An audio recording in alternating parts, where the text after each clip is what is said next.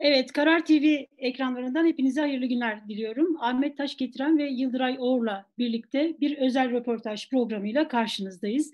Program konuğumuz Ankara'dan Deva Partisi lideri Ali Babacan. Hoş geldiniz Ali Bey. Hoş bulduk, teşekkürler.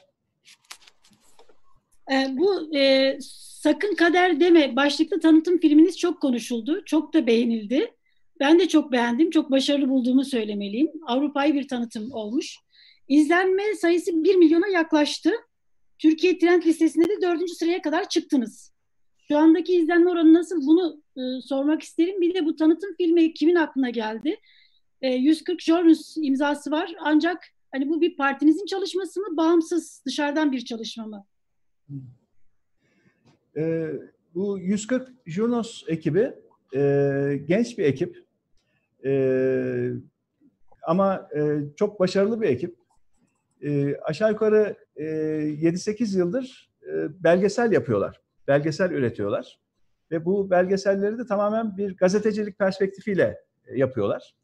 Bizim partimizin kuruluş esnasında bizimle temas kurdular. Bizim partimizin kuruluşunun bir belgeselini hazırlamak istediklerini söylediler. Yani talep onlardan geldi. Ee, biz de araştırdık, baktık çok başarılı, yetenekli bir ekip olduklarını gördük.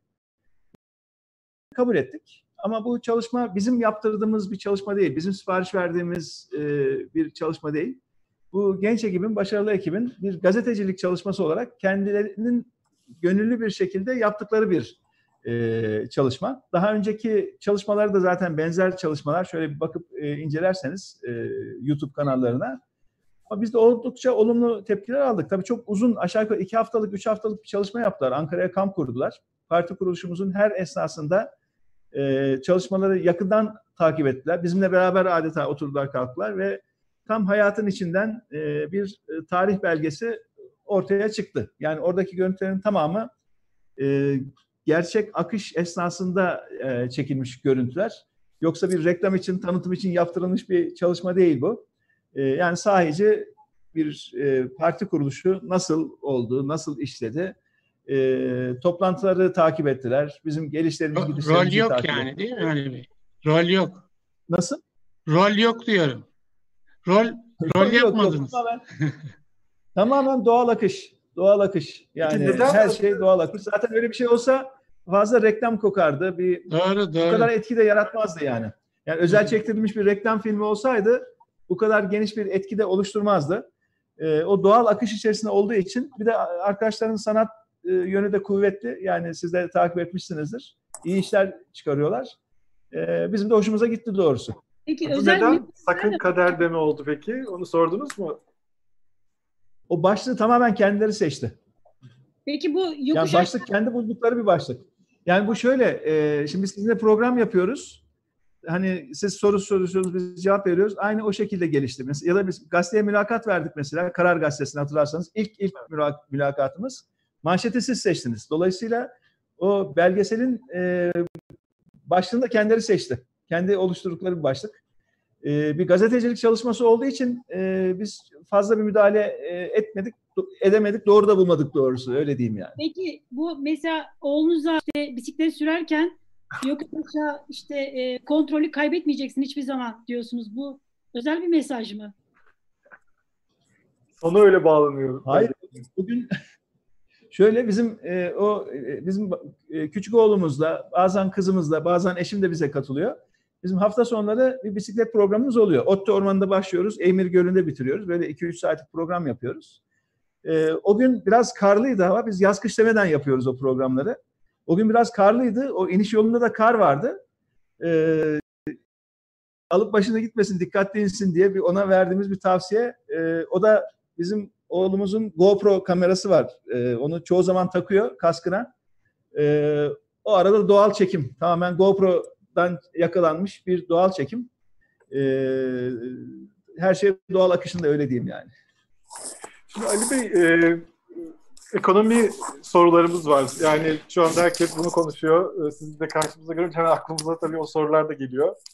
Ee, şimdi e, geçen hafta bir dolarda büyük bir e, yükseliş yaşandı. 7.30'lara e, kadar çıktı. Şimdi 6.70'e düştü. Tabii bunu anlamaya çalışıyor herkes. Nasıl oldu? işte bir takım e, swap anlaşmaları yapıldığı e, iddia edildi önce İngiltere ile Japonya ile daha sonra bunların olmadığı iddia et, ortaya çıktı.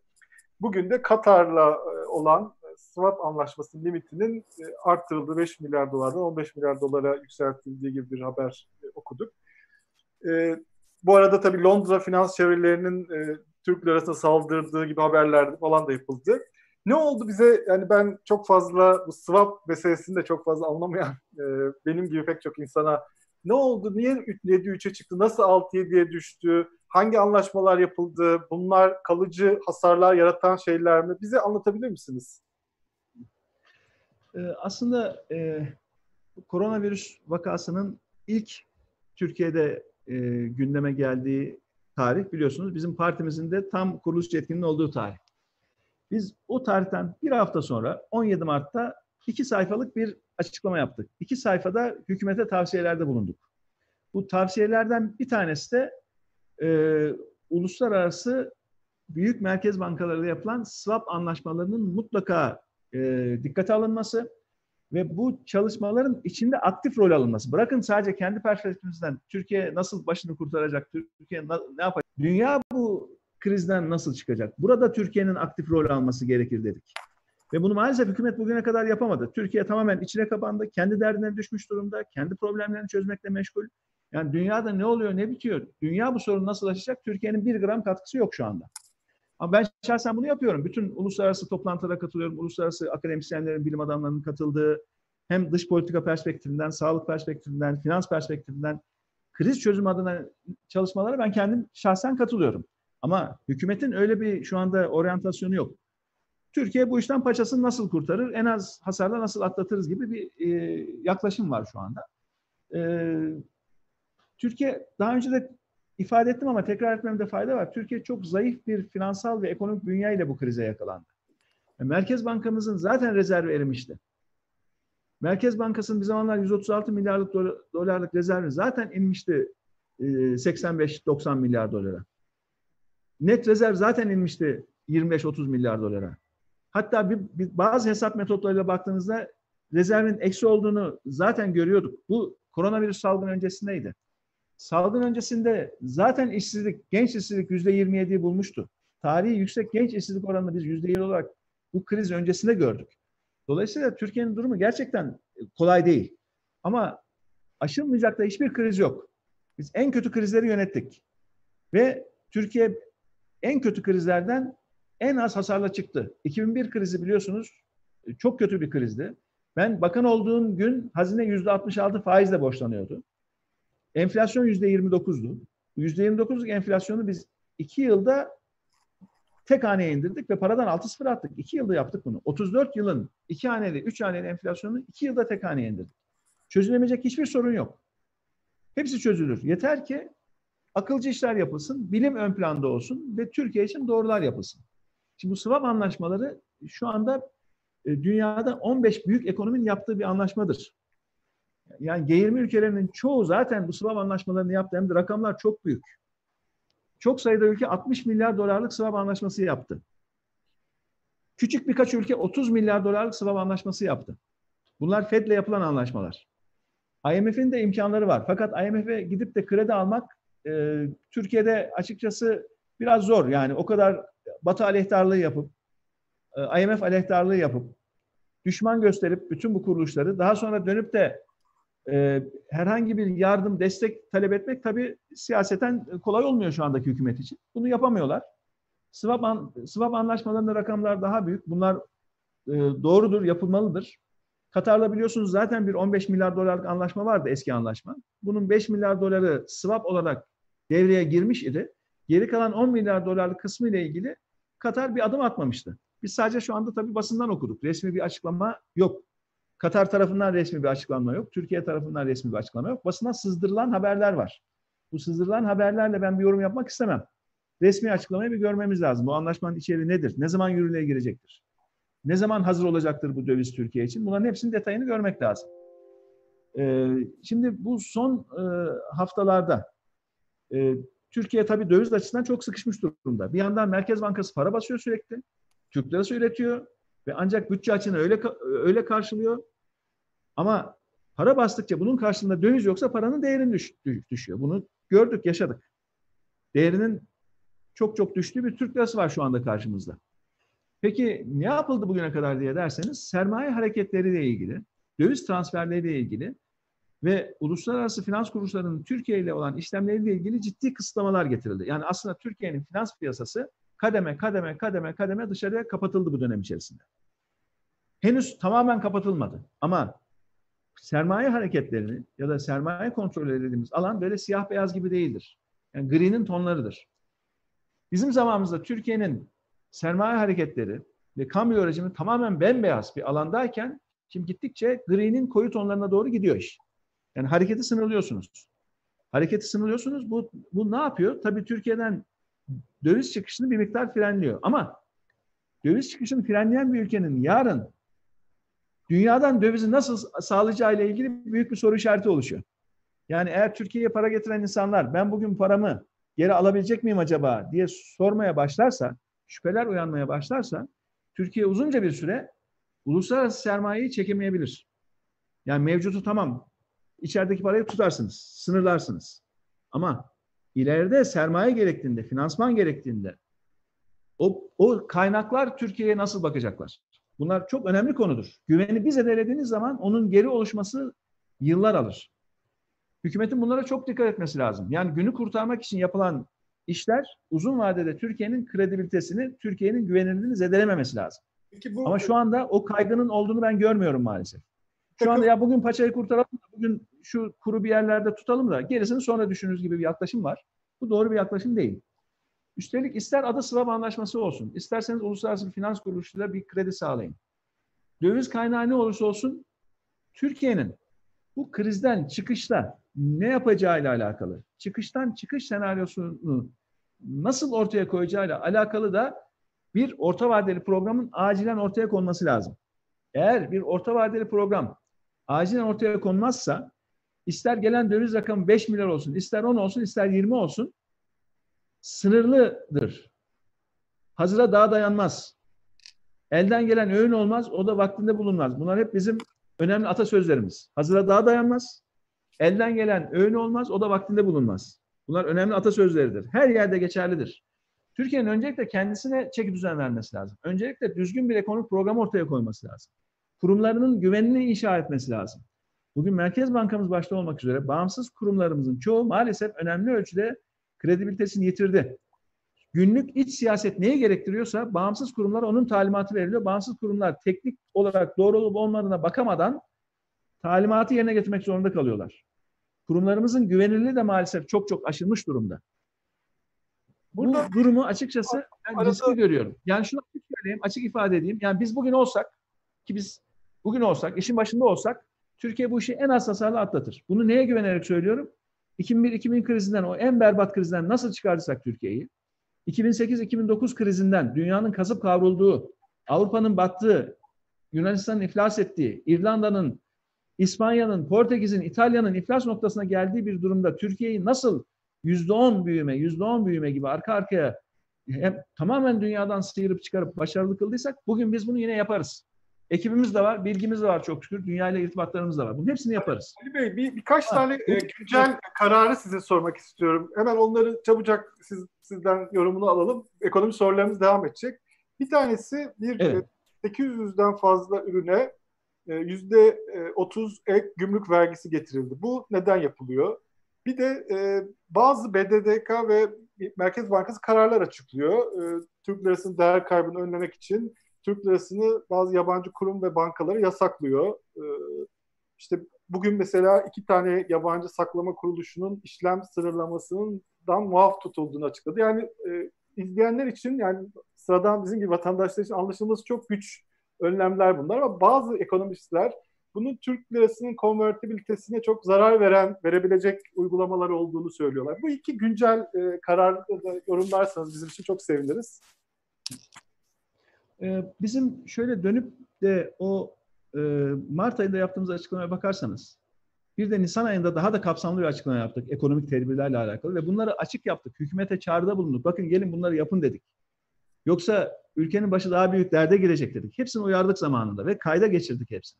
O gün alıp onu okusalar, reçeteyi gereğini yapsalar bugün bunlara hiç gerek kalmazdı inanın. Şimdi bu ürünlerle ilgili e, ithalat vergilerinin artırılması. Bu nedir? Yani Türkiye'ye girişi zorlaştırıyorsunuz. Ürünlerin girişini zorlaştırıyorsunuz, pahalaştırıyorsunuz. Bunun enflasyon etkisi olacak mı? Olacak. Ama o nedir? Onu sonra hesap ederiz. Zaten TÜİK de elimizde. Yani çok hesap kitabı da belki gerek yok. Ona sonra bakarız. Yeter ki bir an önce şu ithalatı azaltalım. Bu 800 ürünle ilgili tedbirin amacı o açıkçası. Çok e, açık yani. Çünkü ne oldu? Türkiye'nin temel ihraç pazarı Avrupa.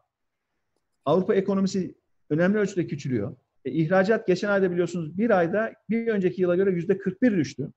Fakat ithalat düşmüyor. E, petrol fiyatlarındaki düşüşe rağmen ithalat rakamlarındaki düşüş çok sınırlı kaldı. E, Türkiye'nin cari açığı birden arttı. Bundan sonra da e, bu yüksek cari açık olacak gibi görünüyor. Peki nasıl nasıl önleriz bunu? Zaten bu tür rejimlerin aklına ilk gelen yasaklardır yani. Ne yapayım? Şunu yasaklayayım. Ne yapayım? Hadi bunu da yasaklayayım. Ona da izin vermeyeyim. Şimdi ikinci sorunuz açıkçası yine bununla çok alakalı. Yani bu sefer de neyi yasaklıyorsunuz? Yani Türkiye ile yurt dışı arasındaki döviz giriş hareketlerini yasaklıyorsunuz. Yani dışarıya döviz çıkışını sınırlıyorsunuz. Peki yarın Türkiye'nin büyümesi için gerekecek dövizi nereden bulacaksınız? Aynı insanlara, aynı kuruluşlara gidip de ya gelin bize yatırım yapayım demeyecek misiniz? Ya bize finansman sağlayın demeyecek misiniz? Türkiye'nin petrolü yok, doğalgazı yok.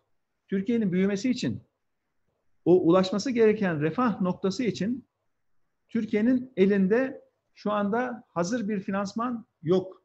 Bu finansman illaki dünyadan gelecek. Sermaye olarak özellikle gelecek. Borç olarak değil bakın. Önemli olan sermayeyi Türkiye'ye çekmektir. Kalıcı olarak o parayı Türkiye'ye çekmektir. Böyle kredi vereyim, faiziyle geri alayım değil. Ama bu ancak uzun vadeli güvenle olur. Şimdi ister BDDK olsun, ister diğer kuruluşlar olsun son dönemde alınan kararların tamamı Türkiye'yi dışarı kapatan kararlar. Bu kararlar niye alınıyor? Döviz çıkmasın dışarı diye alınıyor. Orasını anladık. Peki bu Türkiye'deki dövizi geri çıkaramayan birisi yarın ihtiyaç olduğunda Türkiye'ye niye döviz getirsin? Niye parasını riske atsın? Bunları hep düşünmek lazım. Türkiye ancak dışa açık bir ekonomi olduğu sürece büyüyecektir. Türkiye'yi içine kapatmak Türkiye'yi küçültür, fakirleştirir. Bunun altını çize çize ben defalarca söyledim. İki aydır da sürekli söylüyorum. Türkiye'yi kapatarak yönetemezsiniz. Türkiye'deki özgürlükleri sınırlarsanız, Türkiye'deki düşünce hayatını sınırlarsınız. Türkiye'deki bilimi sınırla, sınırlarsınız. İlim adamlarını sınırlarsınız. Türkiye bilim üretemez. Bilim üretemez. Yeni fikir üretemez. Orayı kısırlaştırırsınız. Finansal olarak, ekonomik olarak, ihracat, ithalat olarak Türkiye'yi kapatırsanız bu sefer Türkiye'nin ekonomisini kısırlaştırırsınız. Küçültürsünüz, daraltırsınız. Ha şu olabilir. Biz yalnız ve fakir bir ülke olmak istiyoruz. Bunu hükümet çıkıp ilan edebilir. Dünyada bizden başka, bize bizden başka dost yok. Herkes düşman. Herkes düşman. Düşünün ki 200 dairelik bir sitede oturuyorsunuz ve 199 tane düşmanım var diye ailenizin içine anlatıyorsunuz. Ya çocuklar bakın bütün site bize düşman. 199 tane aile bize düşman. Bütün daireler bize düşman. Biz bize yeteriz. Böyle bir ailenin psikolojisini düşünün. Şu anda Türkiye'de oluşturulmaya çalışan psikoloji budur. Yani 200 ülkelik bir dünyada yalnızlaşan, herkesi düşman ilan eden, kimseyle konuşamayan, ihtiyacı olduğunda kimseden gerekli desteği bulamayan bir ülke haline geldik. Bu yazıktır, günahtır. Bunun Sayın sonucu Babacan, fakirleşmektir. Sayın Babacan, e, anti-batı dil, batıdaki bu finans çevrelerini, onların Türkiye ile ekonomik ilişkilerini etkiliyor mu? Yoksa bunlar retoriktir, siyasi retoriktir, içe dönüktür. E, böyle mi bakılıyor? Nasıl burada işler böyle yürüyor? Bu güzel bir soru. Yani bazı ülkelerde bu oluyor çünkü geçici yabancı düşmanlığı oy topluyor.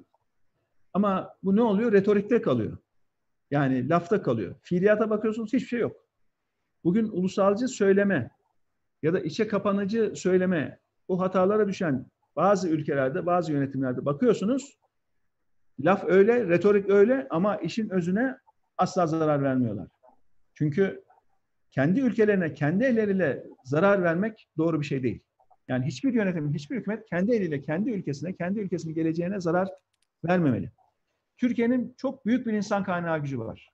Pırıl pırıl gençlerimiz var. Bu insan kaynağı Türkiye'yi alır, uçurur, götürür. Ama ekonomi iki kanatlı bir kuş gibidir. Bu kanadın bir tanesi insan kaynağıdır, emektir. Öbürü de sermayedir. Ancak kuş iki kanadı olursa uçar. Bu, bu ekonominin çok temel bir kuralıdır. İki kanatlı kuş uçar. Şimdi Türkiye'nin bir kanadı sağlam, genç, iyi yetişmiş, dinamik bir gençliğimiz var. Ve çok dinamik bir nüfusumuz var. Girişimcilerimiz birbirinden başarılı insanlar. Ama sermaye tarafı da çok önemli. Şimdi bizim kendi sermaye birikimimiz sınırlı. E, o az sayıda sermaye birikiminde çarçur edildi biliyorsunuz. İsrafla çarçur edildi. Tamamen ölü alanlara, öyle yatırımlara bağlandı. Ve Merkez Bankamızın rezervleri, sermayesi eritildi. E, bütçe eritildi. Hatta biliyorsunuz geçen yıl ne yaptılar? Yıllarca biriktirdiğimiz Merkez Bankası'nın yedek akçelerini aldılar. Bir çırpıda harcadılar gittiler bütçede. Geçen sene biriken yedek akçeye bile dayanamadılar. Ocak ayında aldılar hemen harcadılar. Dolayısıyla ülkenin kendi sermayesi kalmadı. Erittiler bunu maalesef. Peki Ali Bey. Ama dünyada sermaye çok. Bizim kendi insanımızın da dünyada sermayesi çok. Onun da altını çizeyim ben. Yani bizim insanlarımızın dünyada sermayesi çok. Türkiye'de yastık altında çok ciddi birikim var. Ama bu sermayenin mobilize olması ve sisteme akması ancak güvenle ve itibarla olur. Siz çok basit bir şöyle hesap edin. Bir bankaya paranızı yatırıyorsunuz. O bankadan zamanı gelince paranızı çekebileceğinize güvenmeseniz o bankaya parayı yatırır mısınız? Ya günü gelirse ya alamazsam parayı diye korkarsanız o paraya o, o bankaya parayı yatırmazsınız. Türkiye'de öyle. Türkiye'de büyük bir banka olarak düşünün. E dışarıdan sermaye getirecek insan ister kendi vatandaşımız olsun ister başka ülke vatandaşı olsun.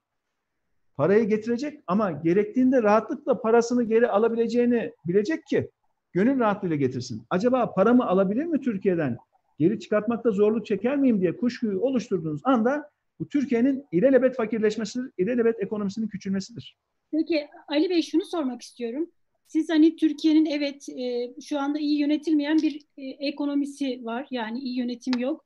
E, burada hani sizin bir ortaya koyduğunuz bir şey var. Diyorsunuz ki aslında hani uluslararası sermaye, yabancı yatırımcılar Türkiye'ye çok iyi bakıyor. Biraz önce de zaten aynı şeyleri söylüyorsunuz.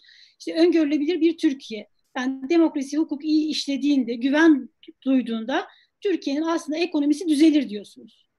Bu normal zamanlar için böyle ama dünya bir salgından geçiyor ve bu salgın da hani dünyadaki ekonomisi çok iyi ülkeleri bile tehdit ediyor. Yani büyük buhran benzetmeleri yani mukayeseleri yapılıyor. E, bu bağlamda gelişmekte olan ülkelerden de hani paralar çıkıyor. Sadece mesela Türkiye için hani Türkiye için e, işte ekonominin, şey, hukukun iyi işlemesi, e, hukuk devlet ilkelerinin işlemesi, e, demokrasinin oturması yani dışarıya böyle daha hani güvence vermek yeterli mi? E, yoksa hani mesela sizin bu durumda e, bir B planınız var mı? Sadece hani buradan mı yürüyeceksiniz? Yani demokrasiyi düzeltiriz, hukuku düzeltiriz, yargıya da telefon gitmez. O zaman yabancı yatırımcı gelir mi? Yani pek çok denge değişirken herhalde bir E modeli ya da başka bir ekonomi modeliniz de var mı Türkiye'ye yönelik olarak? Şimdi Türkiye'nin tek çıkışı alnının teriyle, bileğinin gücüyle çalışmak, üretmek, ihraç etmektir. Ve bu ürün ihracı olur, hizmet ihracı olur. Ama Türkiye'nin ekonomisinde pek çok sektör var. Ve her sektörde birbirinden önemli sektörler. Ama toplama baktığımızda Türkiye'nin bol üretmesi lazım ve bol ihracat yapması lazım. Dünyaya bu ürünleri satması lazım ki döviz girsin. Bakın bizim ilk devraldığımız 2002 yılında Türkiye'nin ihracatı sadece 36 milyar dolar. Sadece 36. Biz bunu 3-4 yıl gibi çok kısa bir süre içerisinde 100 milyar üzerine 100 milyar doların üzerine çıkarttık. Ve Türk lirasının dolar karşısında değerlendiği bir dönemde yaptık bunu. O günkü istatistikler çok açık. Bir yandan Türk lirası değerleniyor. Yani kur artmıyor ya da hafif düşüyor. Bir yandan bizim ihracatımız katlıyor. Bunu yaptık, başardık. Yani bunları hiç yapmaz yapmamış olsak imkansız diyebiliriz. Ya da 2008-2009 krizinde Avrupa kasıp kavrulurken, yanıp tutuşurken biz büyüme rekorları kırdık ve bütün dünyada parmakla gösterilen ülke olduk. Hatta çok meşhur benim Davos'ta katıldığım büyük bir panelde, Davos'taki o en büyük salonda e, Financial Times'ın baş yazarı, moderatör bana sordu. Ya dedi nasıl başardınız? Sizden alacağımız çok dersler var. Ne olur anlatın dedi. Soru bu. Ve ertesi gün bütün gazetelerde manşetti bizim çözüm formüllerimiz. Bunların hepsini yaptık. Yine yaparız. Çözümler çok zor çözümler değil. Evet bütün dünya etkileniyor. Bütün dünya olumsuz etkileniyor ama bir yandan da eksi faizli likitte var şu anda dünyada. Eksi faiz. Türkiye Cumhuriyeti devlet olarak dövize yüzde altı, yedi, sekiz faiz öderken hemen yanımızdaki bu Bulgaristan eksi faizle borçlanabiliyor. Beğenmediğimiz Bulgaristan eksi faizle borçlanabiliyor. Avrupa'daki pek çok ülkenin borçlanma faizi şu anda yüzde sıfır, yüzde yarım, yüzde bir. Bu kadar bol likitte var. Ve bizde de genç, yetişmiş bir insan gücü var. Yani un var, şeker var, bütün malzeme hazır. Ama helva yapmakta güçlük var. Çünkü Türkiye iyi yönetilmiyor. Asıl sorunumuzun kaynağında mesele maalesef bu kötü yönetimdir. Birkaç Sayın örnek vereyim. Çok önemli Tam, çünkü bu. tam burada araya girebilir miyim? Şimdi yani çok ilginç, Evet, çok buyurun. çarpıcı bir şey söylüyorsunuz. Bulgaristan'ın e, eksi faizle e, para bulabildiği bir dünyada Türkiye gibi bir ülke e, yüzde altı dövizle borçlanabiliyor. Ya bu işe Ankara nasıl bakıyor? Şimdi siz söylüyorsunuz. Ya bunu herkes de söylüyor. Bütün ekonomistler söylüyor. Yani geldiğimiz nokta gerçekten rasyonel olarak izah edilebilecek bir nokta değil. Ankara nasıl bakıyor bu çarpıklığa? Biz Ankara'dayız biliyorsunuz. Ankara'nın 5 milyon üzerinde nüfus var. Ankara'nın nasıl baktığının hiçbir önemi kalmıyor ki. yani dar bir ekip ve tek bir karar merci nasıl bakıyorsa kararlar öyle çıkıyor maalesef. Yani tek bir karar merci neyse onu ne söylerse o oluyor. Ama Ankara diye o hani küçük bir grup ve karar merciğinden bahsediyorsanız oradaki tutum çok açık. Yani eğer iyi bir gelişme varsa biz yaptık. Kötü bir şey olduysa da yabancılar saldırıyor. Ya da içimizdeki düşmanlar saldırıyor. Düşman göstermekten kolay bir şey yok. Başarı bizim. Başarısızlıktan sebebi de işte düşmanlar saldırıyor. Böyle bir kolay yola girdi Ankara. Sizin tabirinizle sorduğunuz Ankara. İşin kolaycılığını buldular. Ee, en ufak problemde yani içeride dışarıda düşman arıyorlar. Ve mağduriyete oynuyorlar. Sürekli mağduriyet. Ya şimdi mağduriyeti oynama lüksü yok şu anda Ankara'nın. Mağduriyet oynama lüksü yok. Vatandaş ne istiyorlarsa verdi. Anayasa değişikliği lazım dediler. Çünkü tek elden yönetilirse ülke daha iyi gidecek dediler. Vatandaş tamam dedi madem çok istiyorsunuz alın dediler. Tek elden yönetin. Arkasından hemen seçim oldu. E, Tek elden tamam sistemi değiştirdik ama bir de tek elden seçilmemiz lazım ki tek tabanca olmamız lazım ki rahat yönetelim diye. E millet onu da verdi. E daha bu millet ne yapsın? Yani 2018 seçimlerinden bu yana iki yıl geçti ve dikiş tutmuyor. Mazeret üretmekten başka bir şey yok. Laf üretmekten başka bir şey de yok. Yani iç propaganda da fena değil yani. Yani iş üretmede bir şey yok maalesef ama laf üretmede bir becerikli bir ekip var diyelim. laf üretiliyor, propaganda üretiliyor. Ama sonuç yok. Yani vatandaşın cebine giren bir şey yok. Tam, burada tersine vatandaşın cebinde ne var ne yoksa onu harcama mecburiyeti var yani. Ali Bey, biz daha önce sizinle program yaptığımızda henüz bu ekonomik paket e, yeni açıklanmıştı. E, tam olarak nerelere ulaştığı e, belli değildi ama şimdi artık bu ekonomik paket nerelere ulaştı? İnsanlar bundan yararlanabiliyor mu? Bu korona ile ilgili ekonomik paketle ilgili çok sayıda rakamlar var. Şimdi bizim YouTube'da yayın yaparken görüyorum yan tarafta çok sayıda işte kredi başvurusu yapmış ama çıkmamış, bu başvuruları karşılık görmemiş insanlar şikayetlerini yazıyorlar. Sizde bu paketin e, sonuçları ile ilgili bir e, veri var mı elinizde? Ne kadar insan e, bundan faydalanabildi? Çünkü e, Hazine Bakanı geçenlerde bir açıklama yaptı ve e, bu paket açıklanan paketin çarpan etkisiyle tam olarak ne demek istediğini bilmiyorum. Siz herhalde bize açıklarsınız. 525 milyar TL'ye kadar ulaştığını paketin boyutunun ve milli gelirin yüzde birine denk geldiğini söyledi. Siz nasıl görüyorsunuz bu paketin sonuçlarını? İnsanlara ulaşıyor mu? Çünkü krediler üzerinden daha çok kurulan bir paket bu. Bir de bu 525 milyar TL rakamı e, gerçek bir rakam. Ee, şimdi e, şöyle G20'nin ortalaması, G20'nin ortalamasını ben söyleyeyim. E, milli gelirin yüzde sekizi kadar bütçeden doğrudan ödeme yaptı G20 ortalaması. Milli gelirin yüzde sekizi. Yani e, ama bu kredi değil bakın. Şimdi devlet parayı iki türlü verebilir. Bir transfer yapar ve geri istemez ihtiyacı olan kesimlere. İkincisi de kredi verir ama sonra o krediyi geri alır. Transfer edip geri istenmeyen rakam G20 ortalaması yüzde sekiz, milli gelirin yüzde sekizi. Yani bizim milli gelirimizle hesap ettiğimizde bu rakamın bu rakamın G20'nin ortalamasını yakalamaya çalışsak bile 60 milyar dolarlık bir rakamdan bahsediyoruz. Kurla çarpın 400 milyarlık rakam ama geri istenmemek üzere transferler. Şimdi ver, verilen krediyi de buna yazarsanız olmuyor. Yani kredi veriyorsunuz geri almak üzere. Üstelik faizli. Çoğu faizli bu kredinin. Faizsiz yok. Dikkatinizi çekiyorum. Faiz çalışıyor. Ondan sonra şu kadarlık destek verdim diyorsunuz. Ama onu geri alacaksınız adamın elinden bir süre sonra. Ve üstelik bunların hepsi faizli. Adamın dükkanı kapalı. AVM'ler kapalı. Fabrikalar kapalı. Üretim yok. Ama faiz çalışıyor. Faiz sayacı işliyor. Ama makine çalışmıyor. Çarklar durmuş şekilde. Bunun, bunun ancak ciddi bir rakamda transferlerle aşılması mümkün. Başka türlü çok zor. Sadece ne yaparsınız? Bu krediyi verirsiniz. Ondan sonra insanlar gene onu da ödeyemeyecek. Sosyal sorunları da beraberine getirecek. O krediyi zorla verdirttiğiniz bankalar yarın kredilerini geri alamadıkları için kendileri bankaların sıkıntıya girecek. Yani bu, bu yol yol değil inanın. Bu yol yol değil. Bunun çok iyi bütüncül bir yaklaşımla ele alınması lazım.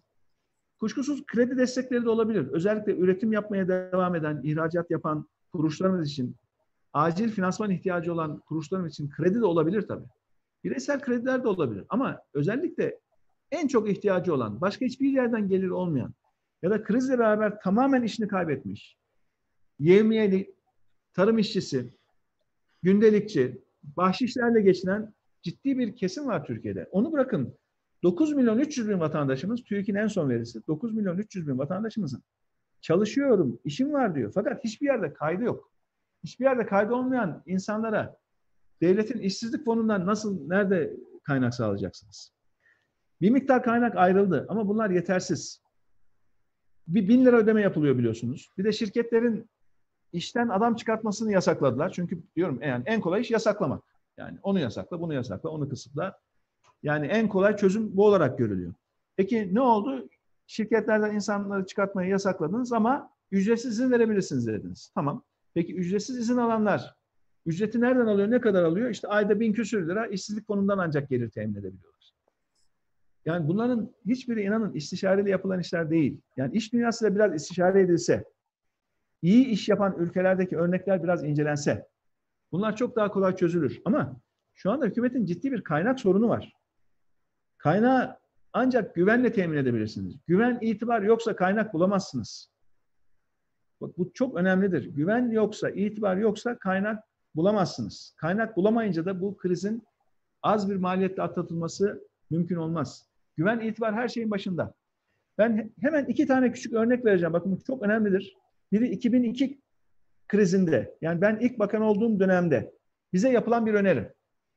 Dediler ki ya Türkiye'nin bir düzenli bir iflas planını hazırlayalım. Çünkü Türkiye zaten borcu ödeyemeyecek. Milli gelirin %74'üne çıkmış bir borç var. Düzenli bir iflas programı yapalım.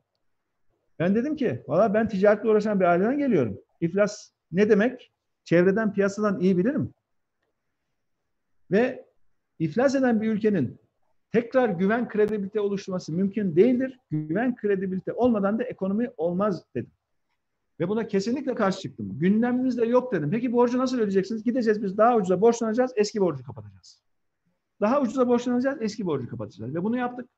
%74'lük oranı %28'e indirdik. %74'lü kamunun borçluluk oranı bunu %28'e indirdik. Nasıl indirdik? Daha ucuza borçlandık, eski pahalı borçlanmaları kapattık. Ve bu şekilde Türkiye'nin itibarına leke sürmeden pırıl pırıl bu dönemi kapattık. 2008-2009'da bizim krizinde bize başka bir teklifle geldiler. Dediler ki ya Türkiye sermaye kontrolleri getirsin. Çünkü bütün dünyada gelişmekte olan ülkelerden sermaye çıkıyor. Sermaye kontrollerini getirsin Türkiye, döviz çıkışını yasaklasın. Dolayısıyla hiç olmazsa elinizdeki dövizi var tutun. O teklifi getiren, ilk getiren, ilk gündeme getiren arkadaşa dedim ki bak dedim. Bizim bürokrat arkadaşlardan birisi. Bu kelimeyi, sermaye kontrolü kelimesini sana yasaklıyorum dedim. Bu heyetteki herkese yasaklıyorum dedim. Düşünmenizi bile yasaklıyorum dedim sermaye kontrollerini. Aklınızdan geçirmeyi yasaklıyorum dedim. Sermaye kontrolü demek güvensizliğin zemini hazırlıyorsunuz. İtibarı kaybediyorsunuz. Güven ve itibarı kaybettikten sonra o ülkeye tekrar kim niye para getirsin, kim niye sermaye getirsin? Ha işi kapatabilirsiniz. Fakir bir ülke olmak isteyebilirsiniz ama bunu çıkın ilan edin. Deyin ki biz bütün dünya bize düşman. Bizim de kaynağımız tamam. Biz tencerede pişiririz, kapağında yeriz. Onurlu bir ülke oluruz ama fakir bir ülke oluruz. Bizim amacımız da budur. Türkiye'ye götürmek istediğimiz yerde bunu, bunu deyin, açıklayın ondan sonra da yapın. Ama hedef bu olmamalı. Yani hedef güvenilir, itibarlı bir ülke olmalı. Ama aynı zamanda refahın arttığı bir ülke olmalı. Bizim vatandaşımız bunu hak etmiyor ki.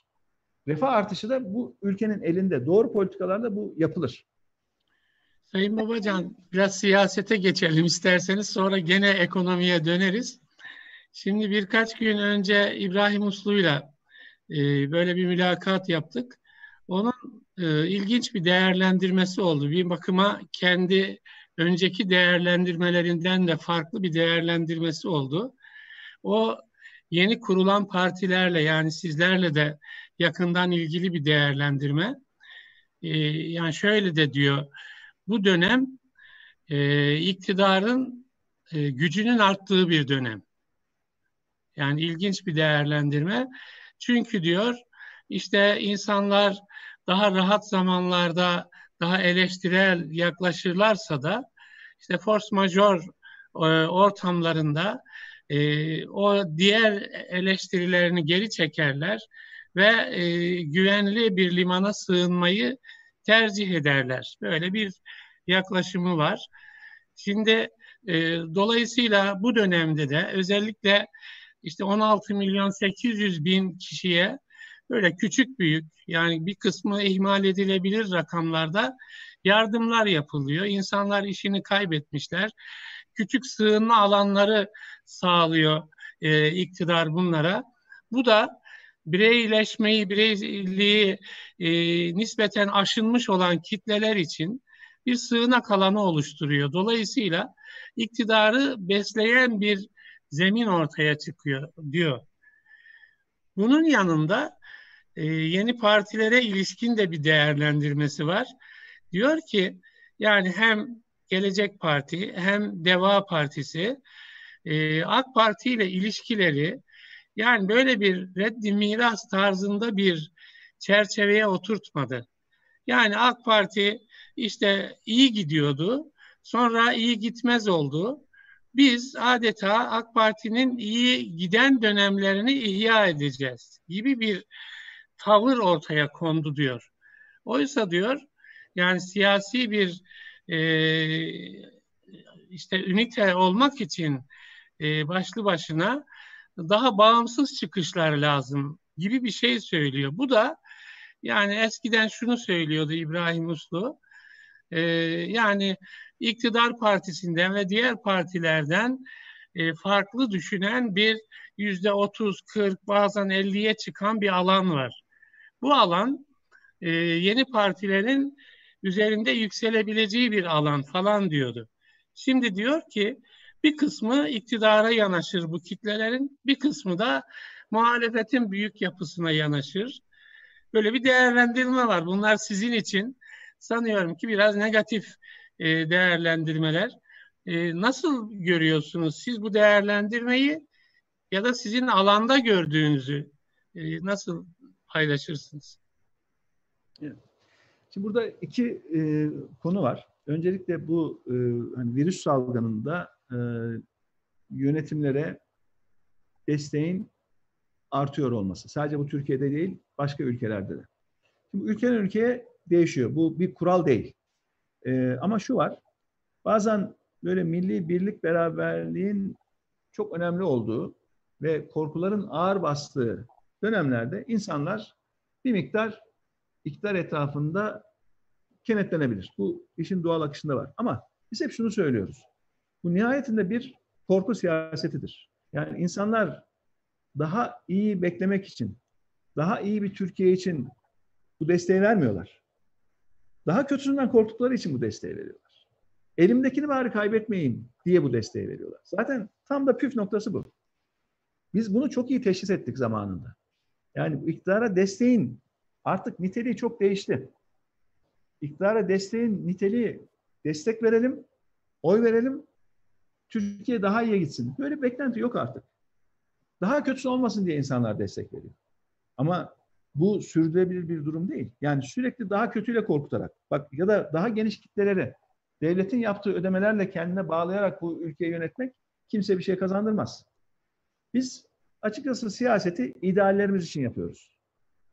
Bu Türkiye için ortaya koyduğumuz idealler. Türkiye çok daha iyisini hak ediyor. Türkiye çok daha iyi bir yönetimle çok daha yüksek bir refah seviyesine ulaşabilir. Türkiye çok daha iyi bir yönetim sistemine zaten layık bir ülkedir. Biz buna talibiz. Türkiye'yi çok daha ileri götürmeye talibiz. Özgürlükleri genişletmeye, temel hak temel hak konusunda, hukuk devleti olabilmek konusunda Türkiye'yi çok daha yüksek standartlara ulaştırmaya biz talibiz. Yok elimizdeki, avucumuzdakiyle yetinelim. Daha kötüsünden korkalım deseydik o zaman biz siyaset hiç yapmazdık açıkçası. Giderdik başka şeyler yapardık. Türkiye'de olurdu, başka yerde olurdu. Başka şeyler yapardık. Yani kendimiz için çalışırdık. Ama Türkiye böyle bir yönetim tarzını hak etmiyor. Yani korkularla, endişelerle desteklenen bir iktidarı Türkiye hak etmiyor. Türkiye'de iktidarın desteklenme sebebinin daha iyi bir gelecek olması lazım. Biz bunu yapabileceğimize inanıyoruz. Şimdi gelelim ikinci kısmına. Ee, bu tür iddialar olabilir. Farklı farklı analizler de yapılabilir. Yani analizler bugün için böyledir, yarın değişebilir. Yani çok değişkendir de analizler. Ama ben şunu e, açık söylemek istiyorum ki hiç tecrübesiz, bu işleri hiç yapmamış, devlet sorumluluğu üstlenmemiş, iş, iş başında test edilmemiş insanlar mı? Yoksa zamanında başarı ortaya koymuş, zamanında iyi işler yapmış, test edilmiş, görev verilmiş, sorumluluk verilmiş, yetki verilmiş ve iyi sonuçlar alınmış insanlar mı? Şimdi biz şöyle baktık kamu sistemine. İster siyasi kadrolarda olsun, ister bürokratik kadrolarda olsun. Hem çok iyi işler yapmış, hem başarılı olmuş, hem de kendini koruyabilmiş. Siyaseti kirletmemiş, siyaset de onları kirletmemiş. Ya da bürokraside milyarlarca dolarlık yetki kullanmış ama tek bir sent, tek bir kuruş dokunmamış. Helaliyle yönetmiş. Bu tür insanlardan bir ekip oluşturduk. Ama ne yaptık aynı zamanda? Bu tecrübe birikiminin yanına bir de daha önce hiç siyasete girmemiş, devlet yönetiminde olmamış ama yaptığı alanlarda başarılı olan arkadaşları da toparladık. Ve bunlardan karma bir ekip oluşturduk. Bizim zaten en önemli farkımız da bu. Yani tecrübe birikimle o yeni taze fikirlerin ve başka alanlardaki tecrübenin siyasete ve devlet yönetimine taşınması. Gençlerin aktif olarak rol alması. Kadınların aktif olarak ana unsur olarak yer alması. Böyle yan kollarla falan değil partinin ana unsuru olarak yer alması. Yani kadınlara ve gençlere de bakışımız bu. Biz, biz bambaşka bir hareketiz açıkçası. Bambaşka bir çalışma başlattık. Başka hiçbir siyasi partiyle mukayese edilecek bir durumumuzu ben görmüyorum. Zaten öyle bir şey olsaydı, bir yer, bir yer birilerine benziyor olsaydık, e, ben, bir başkasına benzeyen bir siyasi parti niye kuralım ki?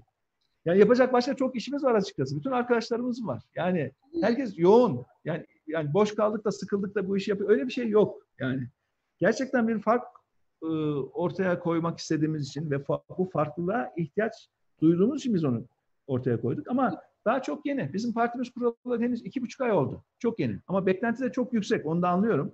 Yani bir an önce bir şeyler olsun. Bir an önce e, biz sabırla ve emin adımlarla yürüyeceğiz. Ve bu çok uzun soluklu bir yolculuk. Bu uzun soluklu bir mücadele. Bu bir dönemlik, bir seçim dönemi değil. Uzun soluklu bir yolculuğa çıktık biz. Ve kendimizden eminiz, hedefimizden eminiz ve bu doğruyu yapmanın verdiği inançla ve güçle bu yolda yürüyoruz. Günlük rüzgar bir gün böyle eser, bir gün böyle eser. Bir gün gündeme bu düşer, öbür gün gündemden bu kalkar. Açıkçası bunlar hiç önemli değil bizim için. Biz ideallerimizi ortaya koyduk, Türkiye hedefimizi ortaya koyduk ve o hedefe doğru da emin adımlarla yürüdük. Ali Bey, Ali Bey, şimdi e, siz e, mesela ısrarla hani Türkiye yönetimine ilişkin biz bunu başardık diyorsunuz. Türkiye'nin ciddi anlamda bir ekonomi sorunu var. Yani bir adalet yargı, yani bir adalet sorunu var, bir de ekonomi. Ama ekonomi öncelikli elbette ki çünkü insanların ceplerini ilgilendiriyor, geçimi ilgilendiriyor, mutfakta tencereyi ilgilendiriyor. Ee, şimdi bir siyasetçi için e, en güzel e, bir avantaj hani bir hikayesinin, başarı hikayesinin olması. Sizin de bir başarı hikayeniz var. Siz de zaten bunun için diyorsunuz ki biz başardık. Bundan sonra 2001 krizine örnek veriyorsunuz. 2008 krizinden bütün Dediniz ki Avrupa'yı e, kasıp kavuran o krizden biz başarıyla çıktık. Biz bunu başardık yine başarırız diyorsunuz.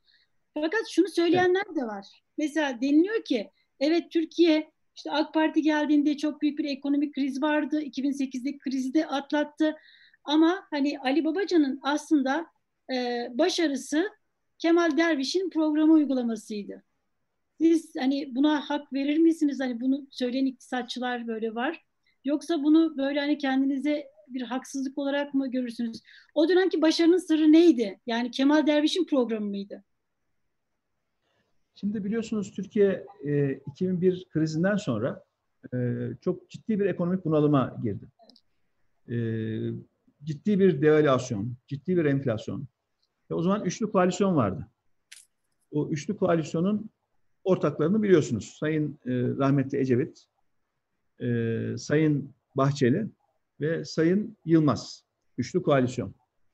Ve o koalisyon hükümeti e, 30 milyar dolara yakın uluslararası kuruluşlardan bir kaynak temin etmesine rağmen ve Sayın Derviş'i de Dünya Bankası'ndayken Türkiye'ye çağırıp çünkü üç parti bir arada koalisyon ama işlerinden bir tane adam bile çıkaramıyorlar ki Sayın Derviş'i işte Washington'dan Dünya Bankası'ndan çağırıyorlar. Gel sen bari bak bu işe çünkü bizde adam yok diyorlar. Yani içine düşülen duruma bir bakın. O ayrı bir konu.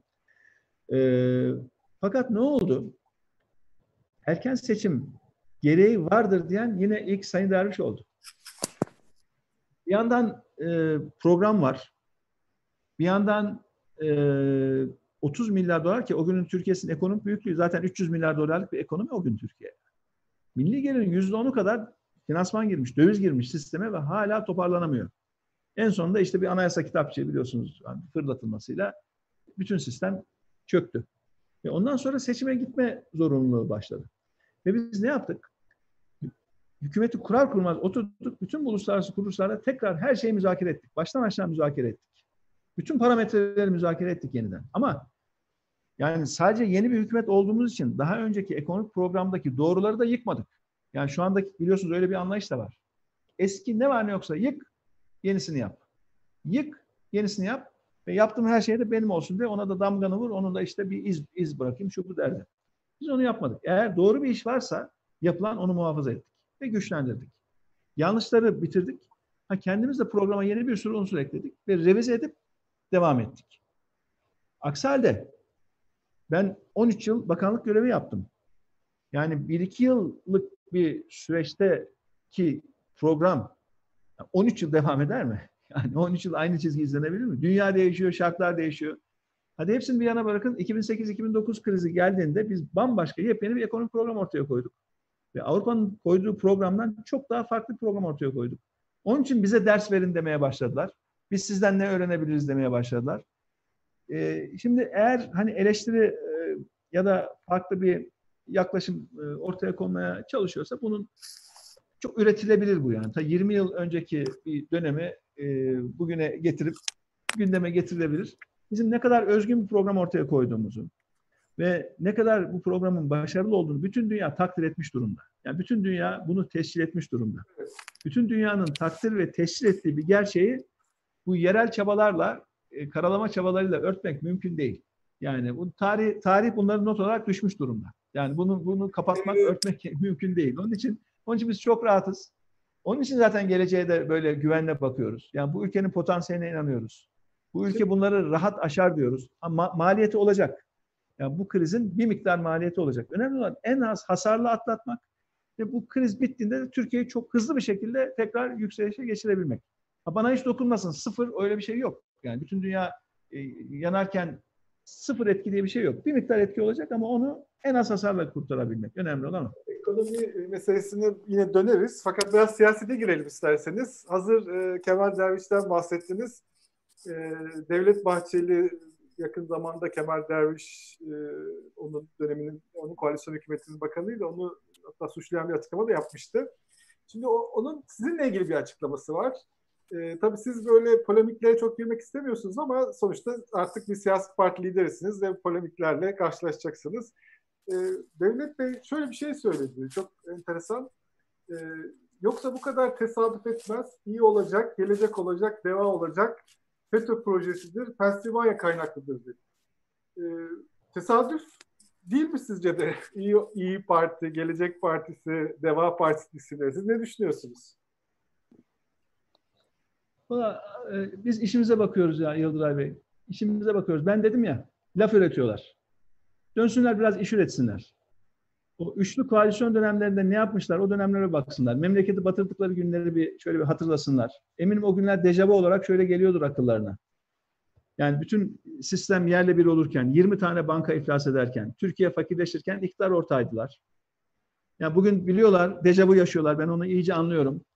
Yani laf üretmesinler de biraz iş üretsinler. Şu ülkenin sıkıntılı durumundan ülkeyi çıkartmak için neler yapıyorlar onları biraz anlatsınlar keşke. Şu anda iktidar güçleri ellerinde.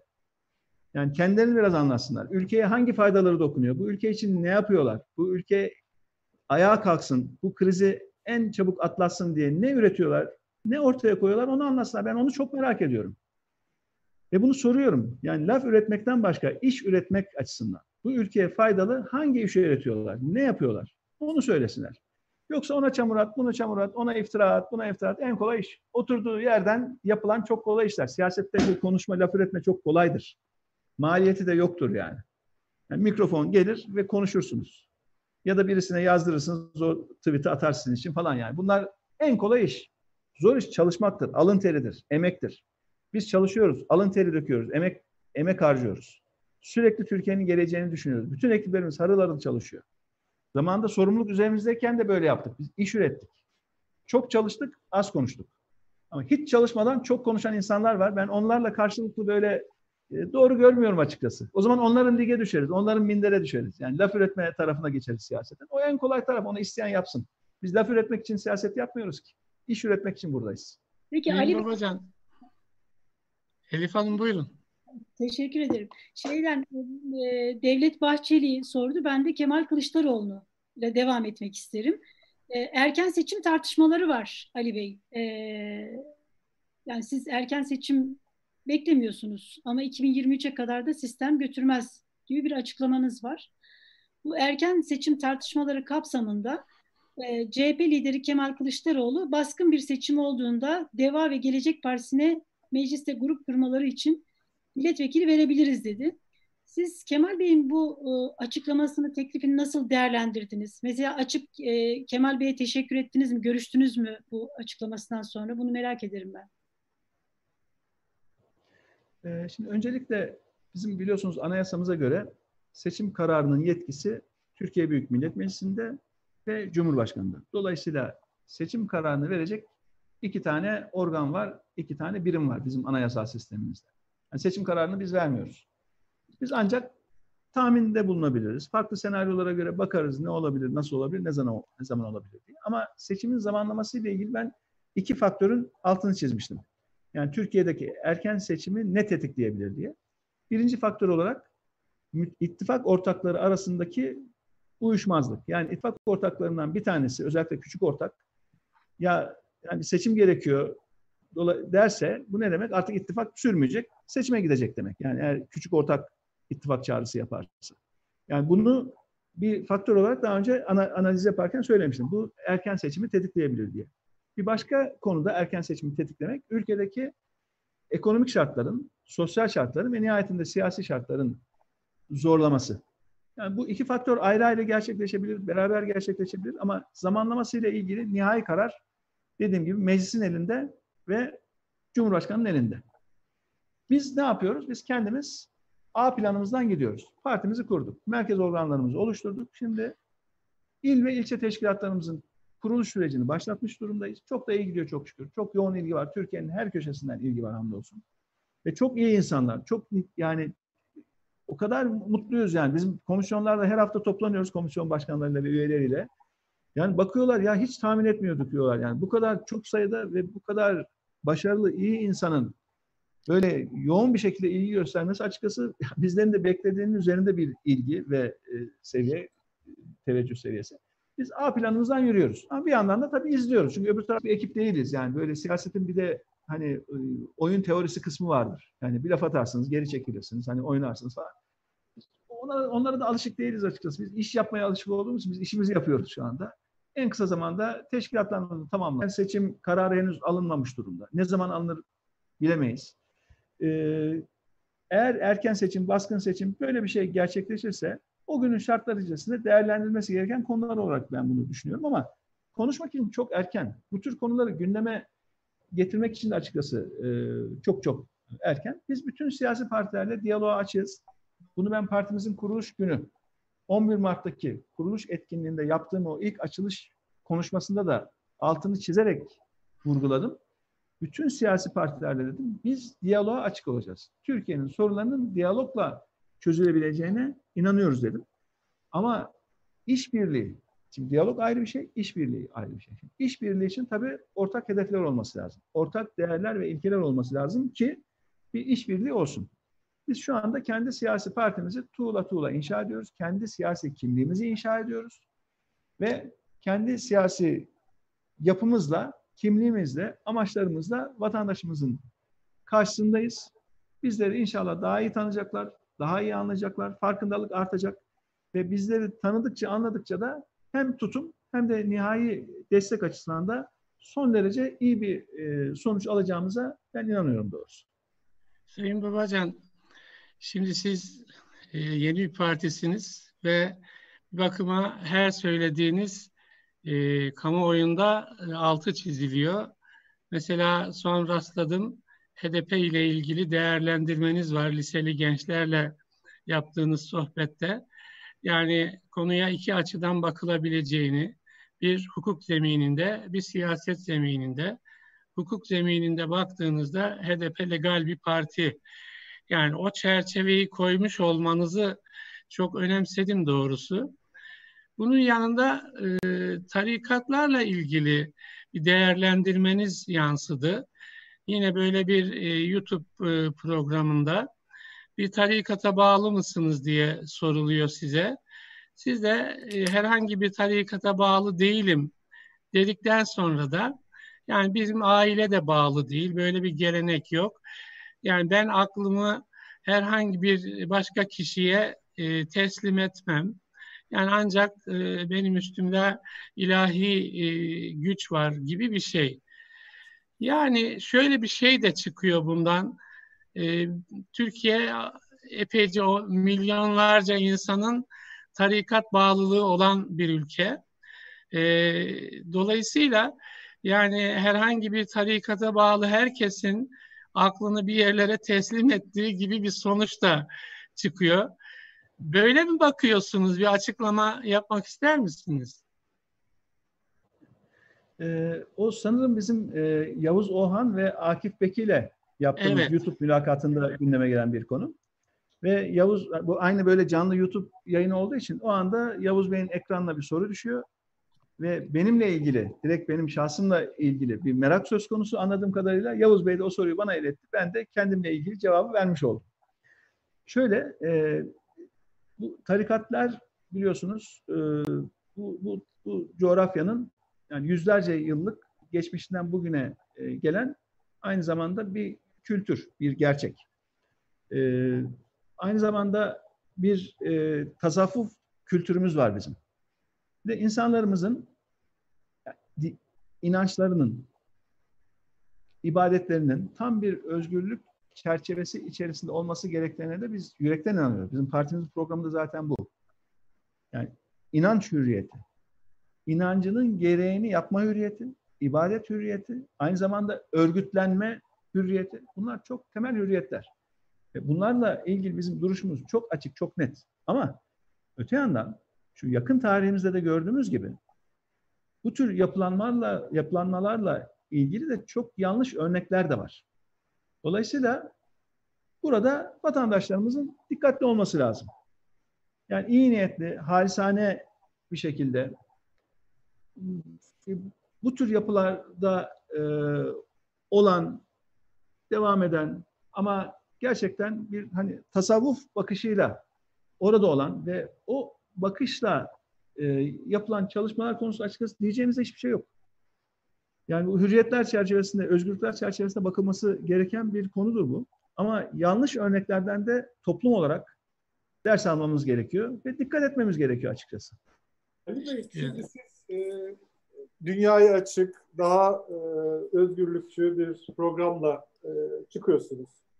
E, fakat şu anda hem dünya ama özellikle Türkiye'de e, sanki siz biraz böyle akıntıya karşı e, yüzmeniz gerekecek bir dönemdeyiz. Mesela e, dün e, bir olay yaşandı. Belki görmüşsünüzdür. Çok enteresan bir olay. Kayseri'de e, 19 Mayıs e, için bir balkonlara çıkma şeyi yapıldı. E, İstiklal Marşı okumak için. Bir e, orada Kayseri'de yaşayan bir İranlı vatandaş da bir e, havlusunu asmış e, balkonuna. Havlusunda bir İngiliz bayrağı e, deseni varmış ve bu yüzden oradaki insanlar bu nasıl asar diye tepki göstermişler. Polis gelmiş onu gözaltına almış. Bunda da yetin, yetinmemiş, yetinmiyor olay. E, Kayseri Valiliği bu olayı işte hani bir tür kriminal olaymış gibi e, açıklayan e, bir açıklama da yaptı. Yani çok böyle milliyetçiliğin çok yükseldiği, böyle korkuların çok yükseldiği, çok içeri kapanan, kapanmaya başlayan, bu korkuların çok yükseldiği bir dönemdeyiz. Bu sadece devlet yönetimiyle ilgili de değil, toplumsal bir zemini de oluştu maalesef bunun. Toplumda da bir karşılığı var.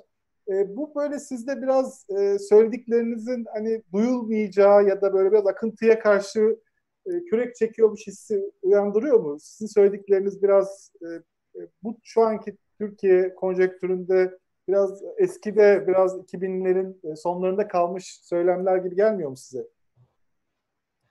Ya şöyle bizim e, açıkçası ideallerimiz hayat ideali.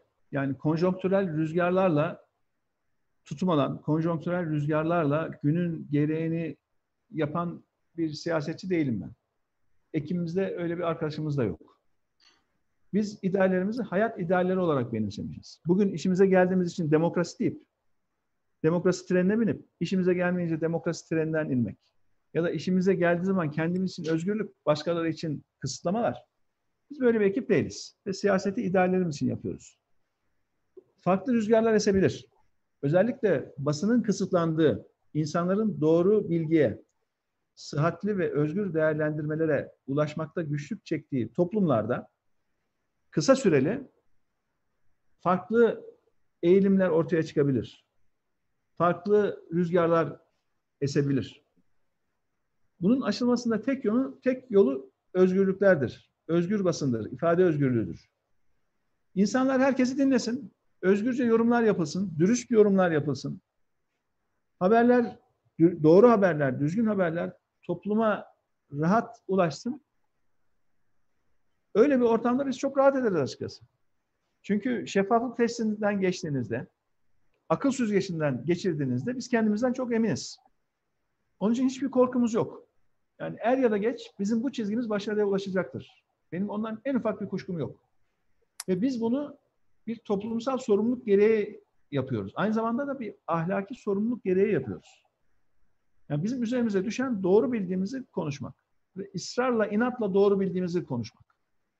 Ha, bugün böyle gerekiyor.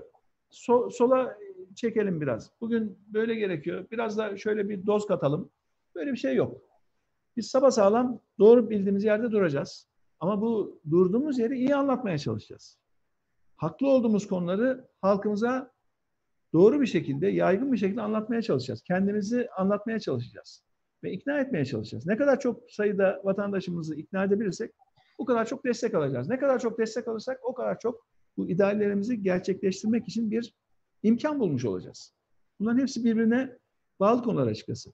Bu Kayseri'deki meseleye gelince ben açıkçası çok yoğun çalıştığımız için gündemi o kadar yakın takip etmiyorum. Ama bizim bir gündem ekibimiz var. Bu sabah beni bilgilendirdiler. Böyle böyle bir gelişme olmuş diye. Ya ben üzüldüm açıkçası. Ee, niye üzüldüm? Çünkü kendine güvenen, özgüveni yüksek bir ülkede bunlar mesele olmaz. Korku ikliminin hakim olduğu, iktidarın sürekli insanları bir şeylerle korkuttuğu ülkelerde ancak bu tür şeyler olabilir. Bu bir özgüven meselesidir. Demokrasisi gelişmiş. Hak ve özgürlük konusunda ileri gitmiş ülkeler kendinden emin ülkelerdir. O ülkeler bayrağından da emindir, kimliğinden de emindir, sınırlarından da emindir, her şeyinden emindir ve o özgüvenle hareket eder. Ama böyle küçük meselelerde e, yani kaybolan ülkelerden birisi olmasını ben Türkiye'nin açıkçası arzu etmem, istemem. Yani burası bakın Cumhuriyet'in 100. yılına doğru gidiyoruz. İşte daha dün e, 19 Mayıs 2020 yani Atatürk'ün Samsun'a o ilk attığı adımın 101. yılını kutladık. Bu ne demek? 101 yıldır bu ülkenin bir istiklal mücadelesi var ve devam ediyor. Bunu veririz de ama e, yersiz korkulara da kapılmamak lazım. Ya da insanlarımızı aslı olmayan korkulara e, yönlendirmememiz lazım. Korkutarak yönetmememiz, yönetilmemesi lazım Türkiye'nin. Korkutarak değil, ümit verilerek yönetilmesi lazım. Gerçekçi hedeflerle Türkiye'nin yönetilmesi lazım. Bu tür gündemler ne oluyor? Konuşuluyor. Tamam. Sonuç var mı? Yok. Peki nedir? Bir günün gündemi, iki günün gündemi, üç günün gündemi. Peki Türkiye ne kazandı? Ne oldu? Biraz düşmanlıkları pompalıyorsunuz. Biraz işte bazı duyguları e, kabartıyorsunuz. Sonuç Aş üretiyor mu? Ekmek üretiyor mu? Refah üretiyor mu? Bu, bu tür dönemlerde e, gündem maalesef ana akım diyelim e, ya da hükümetin kontrol ettiği diyelim. Ana akım deyince tabii ana akım olup da e, her kuruluş öyle değil. Hükümetin yönlendirdiği, kontrol ettiği bir medya var ve onların oluşturduğu bir gündem var. Ona çok dikkat etmek lazım. Eğer oraya kapılıp giderseniz orası hayali bir alan. Hayali bir alan ve insanları meşgul etmek için üretilen bir söylem var orada. Baştan dedim ya iş üretmiyorlar, laf üretiyorlar. Orada da fena değil. Yani orada üreten bir sürü laf var, gündem var. Ona hani kapılıp giderseniz tamam. Bol bol orada boşa vakit geçirmek mümkün. Ama biz iş yapmak için buradayız. Yani fikir üreteceğiz, iş üreteceğiz ve ülkemiz için çalışacağız inşallah. Peki Ali Bey, şimdi siz e, daha çok hani gençlere hitap eden bir partisiniz. Dolayısıyla hani genç seçmen kitlesi sizin ilgi alanınızda. Ee, şimdi şöyle bir şey var. Yurt dışında biliyorsunuz bir beyin göçü birkaç yıldır yaşanan yoğun bir beyin göçü var. Gençler ve eğitimli e, eğitimli olan özellikle gençler yurt dışına gidiyorlar. Türkiye'de yaşamak istemiyorlar. Şimdi yeni de bir anket var. SODEV bir araştırma yaptı. Bu böyle AK Partili gençler, e, AK Partili gençlerin, AK Parti seçmeninin yüzde 47.3'ü e, Türkiye'de yaşamak istemiyor. İmkanı olsa yurt dışında yaşamak istiyor. E, dindar, muhafazakar gençler Suudi Arabistan değil İsviçre'de yaşamak istiyorlar. Yani yaşamayı tercih ettikleri yerde burası. Yine bu 23 Nisan'da geçen yıldı sanırım. Bir e, çocuğa soruldu hayalin nedir, gelecek hayalin? E, Almanya'da tıp okumak istiyorum, Alman vatandaşı olmak istiyorum. Siz bu gençlere yönelik mesela yurt dışındaki gençleri nasıl getireceksiniz? O soruyu e, araştırmada şöyle sorulmuş. Aylık 10 bin euro maaşla Suudi Arabistan'da mı 5 bin euro maaşla İsviçre'de mi yaşamak istersiniz diye sorulmuş gençlere.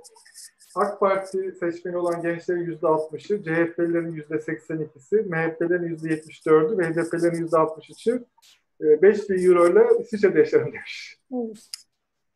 Ben son, son dediğinizi duyamadım. 5 bin euro ile İsviçre'de yaşamayı tercih etmiş e, bu şeyler. 10 bin euro ile Suudi Arabistan'da değil. E, şimdi e, şöyle biz partimizi kurmadan önce bunların hepsini araştırdık. Çok derin toplumsal araştırmalar yaptık. İşin sosyal boyutunu, psikoloji boyutunu çok iyi anlamaya çalıştık. Çünkü vatandaşımızı, halkımızı iyi anlamadan siyaset yapılmaz. Partimiz kurulmadan önce bunların hepsini yaptık. E bütün bu bilgiye zaten hakimdik biz. İnsanlarımız ne arzu ediyor? Aslında İsviçre derken yani İsviçre'nin e, nesini tercih ediyor? Ya da Avrupa niye daha çok insanımız hani elinde olsa hangi ülkede yaşamak istersin dediğinde ağırlıklı Avrupa'yı gösteriyor. Başka ülkeleri göstermiyor. Hani bir de bir akım var ya batıdan bize dost olmaz. Biz işte öbür tarafa doğru gidelim. Kendimize yeni dostlar bulalım şu bu falan filan. Aslında insanların arzu ettiği ne biliyor musunuz? Özgürlük. O ülkelerde özgürlüğün olduğunu biliyorlar. O ülkelerde hukuk devletinin olduğunu biliyorlar. O ülkelerde demokrasinin iyi işlediğini biliyorlar. O ülkelerde bir tweet'e like like düğmesine bastığı için, like butonuna bastığı için hapse girmeyeceğini biliyorlar. Onun için o ülkelerde yaşamak istiyorlar. Biz toplumumuz için ve gençlerimiz için o hayal ettikleri ülkenin işte Türkiye olmasını istiyoruz. Türkiye'yi o arzu ettikleri ülkeler haline getirmeyi biz hedefledik. Amacımız bu zaten. Ve bunu yaparız. Çok kolay, inanın çok kolay. Yani daha önce hani sordunuz ya daha önce yapmamış olsak belki gözümüzde büyütürüz ya işte bu ülkeden bu kadar, bizden bu kadar. Öyle değil. Bu yapılır. Yeter ki niyet olsun. Yeter ki gerçekten bu ülkenin insanı için çalışın. Sabahtan akşama kadar aklınızdan geçen şeylerin yüzde kaçı nedir? Buna share of mind diyorlar. Yani aklından geçen konuların yüzdesi. Diyelim ki işte 8 saat uykuyu düşün. Gerçi bizim ancak 3-4 saat ama ortalama diyelim 8 saat düşün 16 saat. 16 saatte beyinden dönüp dolaşan konular, fikirler ne? Keşke şu anda karar verme noktasında olanların beynini açıp bakmak mümkün olsa. O 16 saatte kafalarından ne geçiyor? Gerçekten memleket meseleleri mi geçiyor? Gerçekten bu ülkenin vatandaşları mı geçiyor? Yoksa bu iktidar nasıl korunacak? Bu iktidar elden nasıl kaybetmeyelim? Nasıl tutalım mı geçiyor? Ya da bazılarının aklından ya zaten artık bu işin sonu görünüyor. Ben kendim için daha fazla ne yapmalıyım diye kendi özel konuları mı kafasından daha çok geçiyor? Keşke açıp bir bakmak mümkün olsa bunu. İnanın Türkiye'ye yazık. Yani böyle böyle olmamalı. Biz şuna kuvvetle inanıyoruz. Ki bir dönemde bunu yaşadık. Yani kaç tane genç girişimci, genç yatırımcı geldi bana 2000 bakın yıl veriyorum 2010 10 yılı, 11 yılı, 12 yılı o yıllarda geldiler. Ben Silikon Vadisi'nde şirketim vardı. Bin tane adam çalışıyordum. Orada duruyor ama geldim şimdi Türkiye'ye yerleştim ve Türkiye'de yatırım yaptım. Öbürü ben Almanya'da şu şu işi yapıyordum ama baktım ki Türkiye çok iyiye gidiyor. Burası da kendi memleketim. O işim devam ediyor ama geldim şimdi Türkiye'de yatırım yaptım. Türkiye'de de çalışıyorum. Ya da İngiltere'de şunu yapıyordum ama ya İstanbul öyle güzel bir şehir ki burası da benim memleketim. Ben burada yaşamak istiyorum. İnanın benim şahsen bildiğim böyle yüzlerce örnek var. O dönemde oraları bırakıp da Türkiye'ye yerleşen. Bana yalvaran, ben bakan olduğum dönemde bana yalvaran kaç tane Avrupalı var? Ya bir pasaport olsa, bir Türkiye pasaportu olsa diye. O zamanlar zordu biliyorsun. Şimdi 250 bin dolar veren herkese vatandaşlık satıyorlar. O zamanlar çok zordu. Gelip yalvarıyorlar. Ya kardeşim sen Avrupa Birliği pasaportun var. Türkiye Cumhuriyeti pasaportu ne yapacaksın? Ya başka coğrafyalarda kapı açıyor. Ben Afrika'ya gittiğim zaman ya da doğuda bir yere gittiğim zaman Türkiye Cumhuriyeti pasaportunu koyunca daha çok itibar gösteriyorlar Avrupa pasaportuna göre. Daha kolay o ülkelerde iş yapıyorum diye. Avrupalılar benden vatandaşlık istiyordu. Biliyorsunuz Bakanlar Kurulu'nun istisnai vatandaşlık yetkisi vardı o dönemde. Şimdi öyle dönemleri yaşadık. Biz bunları yaşadık. Yani yaşamasak anlarım da yaşadık. Bu olabilir, yapılır. Benim hiçbir endişem yok inanın. Hiçbir endişem yok. Şu anda gördüğünüz bütün bu kötüye gidiş var ya birden geriye döner. Çok kısa bir sürede düzelir. Çok kısa sürede ne kadar yanlış akım görüyorsanız bunların tamamı tersine döner. Ben buna kuvvetle inanıyorum. Biz bunun için çalışıyoruz. Bunun için bu yola çıktık. Yani yapabileceğimize inandığımız için bu yola çıktık açıkçası. Sayın Babacan belki burada hani bu dijital devrimden bahsetmek istersiniz. Öyle bir projeniz var. Yani onu ben de okudum. Çok önemsedim doğrusu. Yani bu sizin projeli siyasetinizin de önemli bir göstergesi. Ondan biraz bahseder misiniz? Orada mesela Türkiye sıçramalarla e, çağdaş seviyeyi yakalayabilir diyorsunuz. Yani hani onun bilimsel altyapısı olmadan da o sıçramayı gerçekleştirebilme imkanı var mı Türkiye'nin ve dünyanın geldiği noktayı diyelim yaka, yapay zeka vesaire onları yakalayabilme imkanı var mı? Kesinlikle. Bu tamamen insan kaynağı meselesi. İnsan meselesi. Bakın Singapur küçücük bir ada devleti değil mi? Hemen komşuları koskoca Endonezya var. Malezya var. Güneydoğu Asya'da bir sürü ülke var. Singapur küçücük bir ada devleti. Ben de öğrencilik döneminde merak ettim gittim oraya. Bir ucundan bir ucuna arabayla yarım saatte gidiyorsunuz. Yani yarım saatte adanın bir ucundan bir ucuna gidiyorsunuz. O kadarcık bir ada. Ama bugün dünyada refahın en yüksek olduğu ülkelerden birisi. Dünyanın mühendislikteki en iyi 5 ülkesi, 5 üniversitesinden iki tanesi Singapur'da. Bu nasıl oldu? Singapur'un kurucu başbakanı benim yakın dostumdu, Lee Kuan Yew. Kendisi rahmetli oldu. Ama hayatta olduğu dönemde onunla birkaç kere bir araya geldik. Ve sordum ya bunun sırrı nedir sırrı? Dedi ki iyi insan. O başbakanlıktan ayrıldıktan sonra öldüğü yıla kadar ülke ülke gezerdi ve her ülkede en iyi beyinleriyle oturur konuşurdu. Ya sen gel Singapur'a bak Singapur'da sana şöyle bir imkan sağlayalım. Bak burada çok iyi üniversitelerimiz var. Şöyle kolay iş yapma imkanı var diye. Tek tek tek tek dünyanın en iyi beyinlerini Singapur'a davet etti. Az sayıda ama çok kritik insanlar bunlar. Ve Singapur öyle Singapur oldu. Küçücük ada ülkesinden bir neredeyse bir mucize, bir başarı örneği oluşturdular. İşin temelinde insan kaynağı yatıyor. İşin temelinde insan kaynağı. Bu insanla çok rahat olur. Yani yeter ki biz Türkiye olarak kendi konusunda en başarılı olan insanlar için bir cazibe merkezi olalım. O insanlar buraya geldiği zaman özgür düşünebilsin. Rahat olabilsin. Bugün mesela Hindistan öyle teknoloji merkezleri oluşturdu ki Hindistan kültürünü toplum biliyorsunuz çok hani normlar vardır, kas sistemi vardır. Yani büyük bir ülke ama aynı zamanda o kadar da farklı farklı grupların, farklı geleneklerin çok yoğun olduğu bir yer. Ama teknoloji merkezlerine girdiğinizde Hindistan orası ayrı bir ülke gibidir. Orada e, baskı yoktur. Orada oralarda tamamen özgür ve rahat düşünce imkanı vardır. Bilimde, teknolojide ileriye giden ülkeler akademisyenlere bir imza attı diye hapse atmaz. bilimde, teknolojide ileri giden ülkeler en de özgür düşünmesi ve özgürlüğünü ifade etmesi gereken kesimlere dolaylı ya da doğrudan baskı, zulüm yapmaz. Akademisyenlerine, bilim adamlarına baskı yapan ülkelerin bir yere gitmesi mümkün değildir. Ve bunların sona ermesi anlıktır. Bir anda. Yani yeni bir yönetim gelir ve arkadaşlar herkes rahat etsin ya, korkmayın ya. İstediğiniz gibi çalışın, üretin, konuşun. Ben size karışmayacağım. Yeter ki bilgi üretin, bilim üretin. Ali Bey, e, şimdi bunu, bunu mu diyeceksiniz Ali Bey iktidara geldiğinizde? Bizim, bakın en iyi bilim adamlarımız yurt dışında ben bunu buna üzülüyorum. En iyi bilim adamlarımız dışarıda. Hele şu son 3-4 yıldır en iyi bilim adamlarımızı kaybediyoruz. İyi bilim adamları gelip Türkiye'deki üniversitelerde görev alırken onların hepsi geriye kaçtı. Kendi bilim adamlarımızla cezbetmekte güçlük çekiyoruz. Yani ben bakın bir örnek vereyim. E, bu koronavirüs salgından hemen önce bir e, yurt dışı seyahatte uçakta birisiyle yan yana düştük. Çocuk hem Silikon Vadisi'nde çalışıyor hem İstanbul'da. İki tarafta da şirketi var. Bu bahsettiğim değil, bu başka birisi. Hani daha önce de birisinden bahsettim ya geldiğim yatırımda. Bu ayrı bir olay. Ee, dedim ki ya ne yapıyorsun, nasıl diyor? Ya dedi ben dedi uçaktan iniyorum Silikon Vadisi'ne e, girer, girer girmez dedi. Aklıma dedi yeni bir şeyler gelmeye başlıyor dedi. Beynim çalışmaya başlıyor dedi. O, o ortam dedi benim beynime çok iyi geliyor dedi. Ama dedi Türkiye'ye geliyorum İstanbul'da havalan ayak basar basmaz dedi. Sanki kapanıyorum dedi. Kafam duruyor dedi. Düşünemiyorum dedi.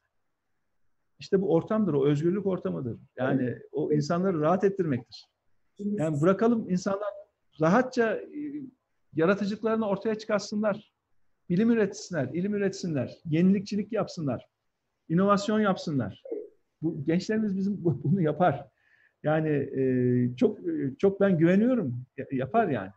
Başka ülkelerin gençleri de yapar. Yeter ki o ortamı siz oluşturun onlara. Ama bu ortam baskı ortamı değil, zulüm ortamı değil. İşte sosyal medya ile ilgili biliyorsunuz hazırlık yapıyorlar şimdi. Baktılar ki ana akım medyada önemli ölçüde kontrol oldu. Sosyal medyada daha özgür düşünce var, daha özgür paylaşımlar var, daha özgür şimdi yeni bir gazetecilik türüyor. E şimdi oraya nasıl e, hakim oluruz? Nasıl oraya sindiririz? Nasıl oraya durdururuz? Şimdi bunların hazırlıklarını yapmaya başladılar. Türkiye bu şekilde küçülür. Türkiye büyümez. Şimdi bunlar Türkiye küçülür. Ne yapılıyor bunlar? Sadece ve sadece bir iktidarın sürdürülebilirliği için yapılıyor. O gücün sürdürülebilirliği için yapılıyor. Başka da memleket için faydası yok bu çalışmaların. Evet. Şimdi siz e, burada e, Singapur'dan e, Seattle'dan bahsederken e, bir takım açıklamalar... Yıllar Bey sizin sesiniz, sizin sesiniz çok e, kısık geliyor. Yani biraz mikrofona yakın ya da yüksek sesle konuşabilirsiniz herhalde. Ee, şimdi herhalde iyi geliyordur. Ha, şu anda çok iyi, tamam. Evet. E, şimdi siz bu açıklamaları yaparken güncel bir takım açıklamalar da oluyor ve bunlar e, insanlarda bir e, acaba ne oluyoruz hissine neden oluyor? Mesela şu anda Hazine Bakanı e, şöyle bir açıklama yapmış. E, bu konuşuluyor. E, size sormak istiyorum. E, stratejik ve üretim imkanı bulunmayan ürünler hariç ithalat kolay olmayacak. Birileri bir dönem ülkemizde ithalat cenneti yapmaya çalıştı demiş. Bu böyle hani bir kapanma sinyalim bunlar. Yani siz nasıl sinyaller alıyorsunuz bu, bu açıklamalardan? Bu kapanma sinyali falan değil. Zaten davul çala çala geliyor birkaç yıldır bu kapanma işi. Öyle küçük sinyal falan değil. Yani Türkiye'yi kapatıp küçülterek yönetmek. Yani ya, ya Türkiye'yi büyüterek, paylaşarak yöneteceksiniz. Ama küçük, dar bir ekibin, tek bir karar merceğinin yönettiği bir ülke işte o kalıba doğru küçülür, ufalır, oraya oralara sığacak bir boy, boyuta ulaşır. E kolay biliyor. Yani yasaklamaktan kolay bir şey değil. Kolay bir şey yok. Yani devletin elindeki en önemli şey düzenleme. Yasakladım der bitirirsiniz. Ama ona da dikkat edin. Yasakların dozunu kaçırırsanız ülkede kaçakçılık başlar. Kara borsa başlar. Bunları Türkiye yaşadı. Yani o Özal öncesi, rahmetli Özal öncesi dönemi bir düşünün. Yani bizim bütün sınırlarımız kaçak mal cennetiydi. Fazla yasakladığınızda da başka yolları bulunur. Rahmetli Özal ne yaptı? Geldi bir açtı. Kaçak maçak kalmadı Türkiye'de. Haksız kazanç kalmadı. Herkes alnın teriyle kazanmaya başladı. Özal öncesi nasıldı Türkiye? En kötü ürünlerin en pahalı satıldığı ülkeydi. Kapatın. E tamam 3-5 kişi para kazanıyor ama en kötü ürün en pahalı satılıyor. İşte kendi kendine dolaşan, evin içinde yürüyen çamaşır makineleri. İşte adına otomobil denen ama dünya standartlarından çok daha farklı dört tekerlekli aletler falan. Öyle bir şey yaşadı Türkiye. Kapat kapat sonunda oraya döneriz. inanın döneriz yani. Hani olmaz olmaz demeyin. o günlere rahmetli Özal öncesinde de döner. Kapat kısıtla. E şimdi döviz trafiğini kapat. Mal trafiğini kapat. E bu Özal öncesi. Bırakın Özal dönemi. Özal öncesine götürmek Türkiye'yi. Ha o 70'li yılların zihniyeti, o askeri rejim zihniyeti. Kapat, şey yap. Ben zaten devlet olarak herkes, her şeyi herkesten iyi biliyorum. Ben her şeyi yönetirim. Ben kuru da belirlerim, faiz de belirlerim. 83 milyon ülke tek bir merkezden, tek bir karar mercinden yönetilemez. Bunu defalarca altını çize çize vurguluyoruz ama öyle yönetmeye çalıştıkları zaman da işte küçülecek, oralara doğru gidecek Allah korusun. Biz arzu etmeyiz böyle bir şeyi. Asla arzu etmeyiz. Biz hayat... Ve bunun için de mücadele veririz. Fikri mücadele tabii. Şu anda elimizde imkan yok. Şu andaki mücadelemiz fikri bir mücadeledir. Ve gidiyoruz biz hükümete bakın öneriler sunuyoruz. 19 tane teknoloji.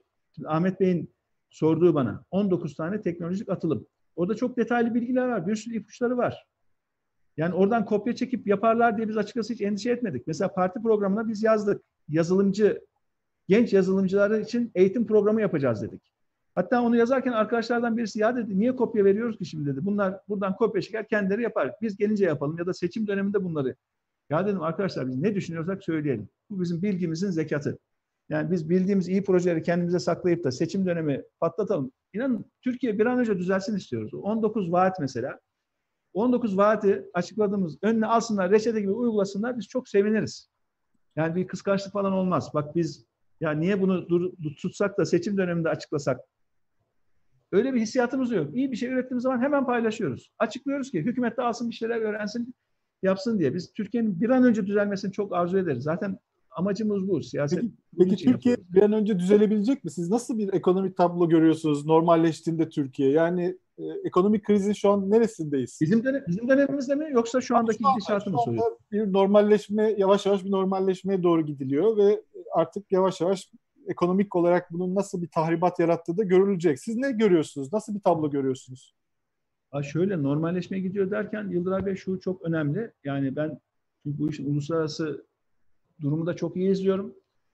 Yani bu büyük ekonomilerin yönetenlerle hep irtibat halindeyiz. Ee, yani en iyi üniversitelerden, Oxford'dan, Harvard'dan bilim adamlarıyla oturuyoruz. Bizim o farklı farklı gruplarımız var. Onlarla hep tartışıyoruz bu konuları. Şimdi normalleşme diye bir şey yok henüz. Yani bu yine hükümetlerin ya merak etmeyin bak geçiyor hayat normalleşecek diye bir iyimserlik pompalaması içeriye açıkçası. Bu Covid-19'un ilacı ve aşısı bulunmadan hayat hiçbir zaman eski normale dönmeyecek. Sadece yeni bir normalle karşı. Artık bugünün normali başka bir normal olacak yani. Özellikle böyle dar mekan sektörleri vardır.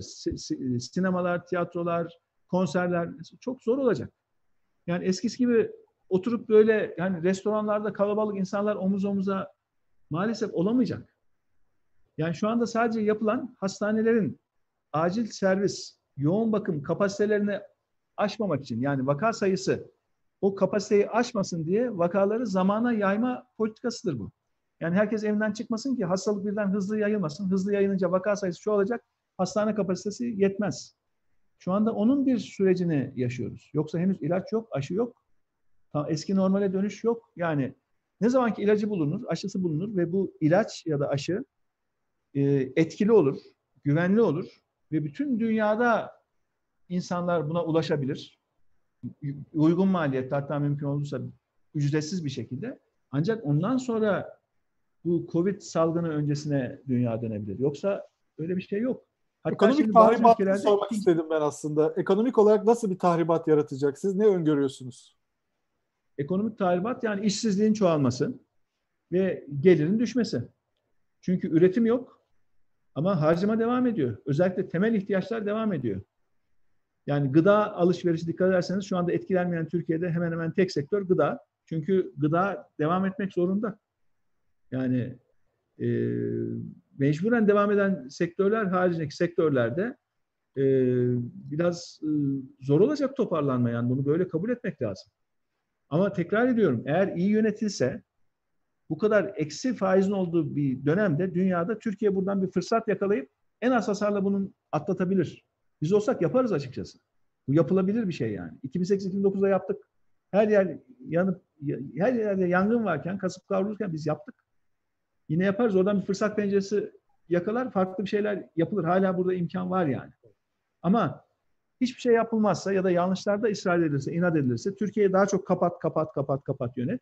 E, bunun e, sonucu işsizlik ve fakirlik. Başka başka bir şey değil yani.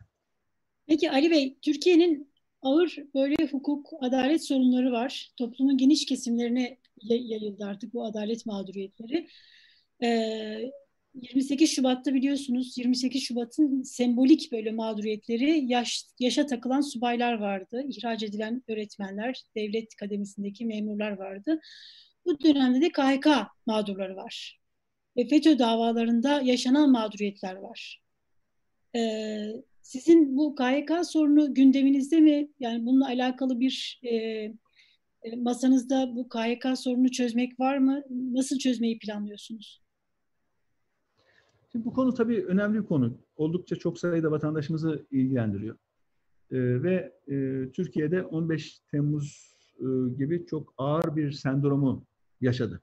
Yani o devlet yapısı için büyük bir sendromdu, sosyal yaşamımız için büyük bir sendromdu. Ve o, o e, sendromun etkileri bir en az iki yıl falan sürdü.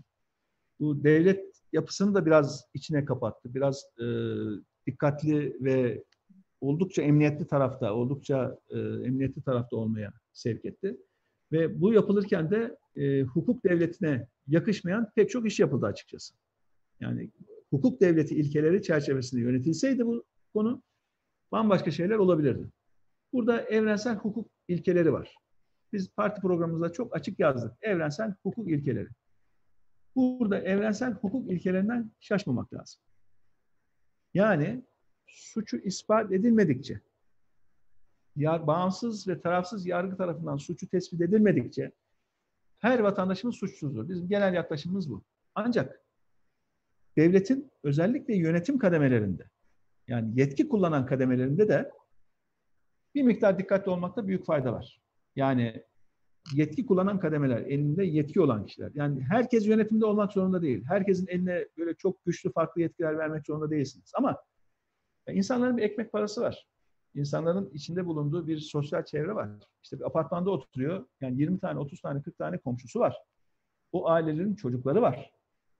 Yani sağlam veriye dayanmadan, bir yargı kararına dayanmadan, yani insanların bir kısmını, belli bir sayıda vatandaşı böyle dışlayıcı, yani toplumda adeta damgalayıcı ve sosyal yapının dışına itici bir tutum da asla evrensel hukuk ilkeleriyle örtüşen bir tutum değil. Yani burada hakkaniyetli olmak lazım ama öte yandan da yani devletin özellikle karar verici o üst yönetim noktalarında da çok dikkatli ve ihtiyatlı olmak lazım. Çünkü e, bu yapılar tamamen e, sönmüş, ölmüş, bitmiş yapılar değil. Yani bu hani bu FETÖ yeniden canlanabilir dikkat edilmesi. Çok dikkat etmesi lazım devletin. Bu konuda herkesin uyanık olması lazım. Yani tekrar canlanması, tekrar güç elde etmesinin önüne devletin kesinlikle geçmesi lazım. Ha, bugün FETÖ olur, yarın METO olur, yarın başka bir şey olur. Yani bu tür yapılarla da böyle hani işler iyiyken ortak, tersine dönünce düşman. Bu da doğru değil. Yani devlet, devlet gibi yönetilmesi lazım. Bu toplumun tümünün, bu vatandaşlarımızın tümünün devlet yönetiminde temsil edilmesi lazım. Toplumun tümü kendisini o devlet yönetiminde en üst kademelerde bile görebilmesi lazım. Belli bir kesimi dışlayan, öteleyen, belli bir kesimi devlet yapımı, yönetiminde hiç yer vermeyen, bunu hani Türkiye'nin farklı coğrafyası var, hani farklı etnik kimlikler olabilir, farklı inanç grupları olabilir, farklı mezhepler olabilir. Ama bu Türkiye'nin coğrafyasıdır ve bunun mutlaka temsil edilmesi lazım ama hiçbir birimde, hiçbir devlet biriminde de bir öbeklenme, bir klikleşme, bir bir grubun, bir hemşeri grubunun ya da bir yapının böyle ebeklenmesi ve oraya adeta kendi içinde minik bir bağımsızlık alanı, minik bir yönetim alanı halinde gelmesine kesinlikle izin vermemek lazım. Devlet hukukla yönetilir. Başka bir şeyle değil. Kanunla yönetilir, hukukla yönetilir. Ve fırsat eşitliğine dayanan bir kamu personel rejimiyle yönetilir. Sayın Babacan, iki aydır artık e, meydandasınız. Epeyce birçok kanalda görüşlerinizi paylaşıyorsunuz. Geri dönüşler nasıl? Verdiğiniz mesajlara toplumdan e, yönelen ilgi nasıl? Bunları tespit imkanınız oluyor mu? Yani çok şükür beklediğimizden çok öte bir ilgi var. Ve bizim parti programımız, fikirlerimiz, Türkiye'nin geleceğiyle ilgili hedeflerimiz Bunların ben çok güzel karşılık bulduğuna inanıyorum açıkçası. Yani bu sosyal medyada tabii çok geniş bir e, geri besleme imkanı veriyor. Yani bir şey yapıyorsunuz ama anlık geri besleme alıyorsunuz. Mesela bugüne kadar bizim yaptığımız açıklamalardan, ortaya koyduğumuz politikalardan özlü yani içerikli bir eleştiri pek gelmedi. Ama eleştiriler nereden? Ya işte siz de siz de geçmişiniz şu partide değilmiş öyle böyle. Yani hani kategorik olarak bir e, ön yargı ile bazıları bakabiliyor belki. Yani bir kategorik ön yargı. Ama şöyle biraz e, kalbini açan, biraz e, hani algılarını açan ve gerçekten bizi anlamak isteyerek dinleyen insanlar üzerinde ki intibanın ben çok olumlu olduğunu görüyorum ve buna çok seviniyorum açıkçası yani. Hangi bölge? Demek ki dersimiz çalış, demek ki dersimizi iyi çalışmışız diyorum. E, demek ki iyi bir kadro kurmuşuz. Bu kadrodan e, güzel fikirler üremiş. E, farklı ideolojilerden, farklı siyasi geçmişten olan arkadaşlarımız var biliyorsunuz içimizde. Ama Türkiye için hedefimiz ortak, gelecek için ortak bir hedefimiz var. Gönüllülerimiz var, yüz binlerce Türkiye'nin her yerinde. Yani sosyal medyada o kadar çok gönüllü hesaplar açılıyor ki Facebook'ta olsun, Twitter olsun. Çoğunu biz tanımıyoruz, bilmiyoruz yani. Birkaç tane kötü niyetli arada oluyor böyle bizim partimizin adını kullanıp da bir şey yapmaya çalışıyorlar falan. Onu da fark edince hemen gerekli e, yargı süreçlerini işletiyoruz gerçi ama yani yüzde 99 oranında hani gönüllü ve e, bir şeyler yapmak isteyen, katkıda bulmak isteyen çok insan var Türkiye genelinde. Bu da bize ayrı bir güç veriyor, ayrı bir heyecan veriyor. Yani moralimiz çok iyi çok şükür. Ama e, yani bu siyaset dediğim gibi uzun soluklu bir yolculuk. Yani bugünün, yarının bir seçim döneminin e, değil. Biz uzun soluklu bir yolculuğa çıktık inşallah. Böyle Allah iyi yol arkadaşlarıyla tanıştırsın diyoruz.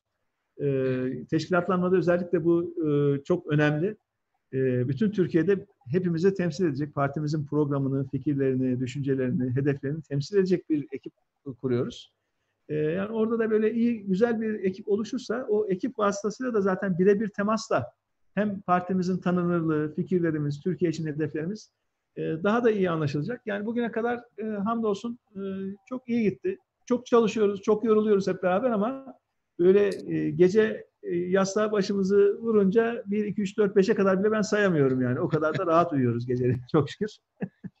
e, yani iyi bir iş yapmanın ve Türkiye için, halkımız için iyi faydalı bir iş yapmanın verdiği bir tatmin var hamdolsun. Yani Peki, onun için erken, mutluyuz. Öyle. Erken seçim ihtimal görüyor musunuz? Ya dediğim gibi bu hükümetin daha doğrusu meclisin ya da Cumhurbaşkanı'nın vereceği bir karar. Yani rasyonel olarak düşündüğünüzde olması gerekenler var ama e, yani rasyonelite zemini kaybolduğunda da e, her türlü senaryoya hazır olmak lazım herhalde. Öyle düşünüyorum yani. Hani eskiden olduğu gibi ortak akılla karar alınsa, rasyonel olsa derim ki herhalde şöyle şöyle olur diye.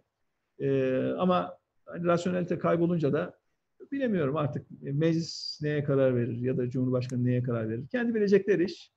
Biz böyle orayı izliyoruz ama kendi çalışmalarımızı yoğun bir şekilde devam ediyoruz. Peki bu e, ben tekrar bir siyasete döndük ama bu mesela hani swap anlaşmaları hani çok gündeme geldi. Katar'la yapıldı ama her, şimdiye kadar herhangi bir Batı ülkesiyle bir swap anlaşması yapılamadı. Bunun sebebi nedir sizce? Yani swap anlaşması şöyle yani bir rezerv para üreten yani rezerv para basan merkez bankaları var. Bunlar da bellidir. Bu e, Amerikan dolarıdır, avrodur. Yani Avrupa Merkez Bankası'nın bastığı paradır. Japon yenidir. İngiliz sterlindir ve İsviçre frangıdır. Hani son yıllarda biraz Çin yuanını da ekliyorlar ama daha o, ona çok vakit var yani. Çok vakit var. Çünkü Çin Merkez Bankası da nihayetinde Amerikan hazine kağıtlarını tutan ve onun rezerviyle iş yapan bir banka.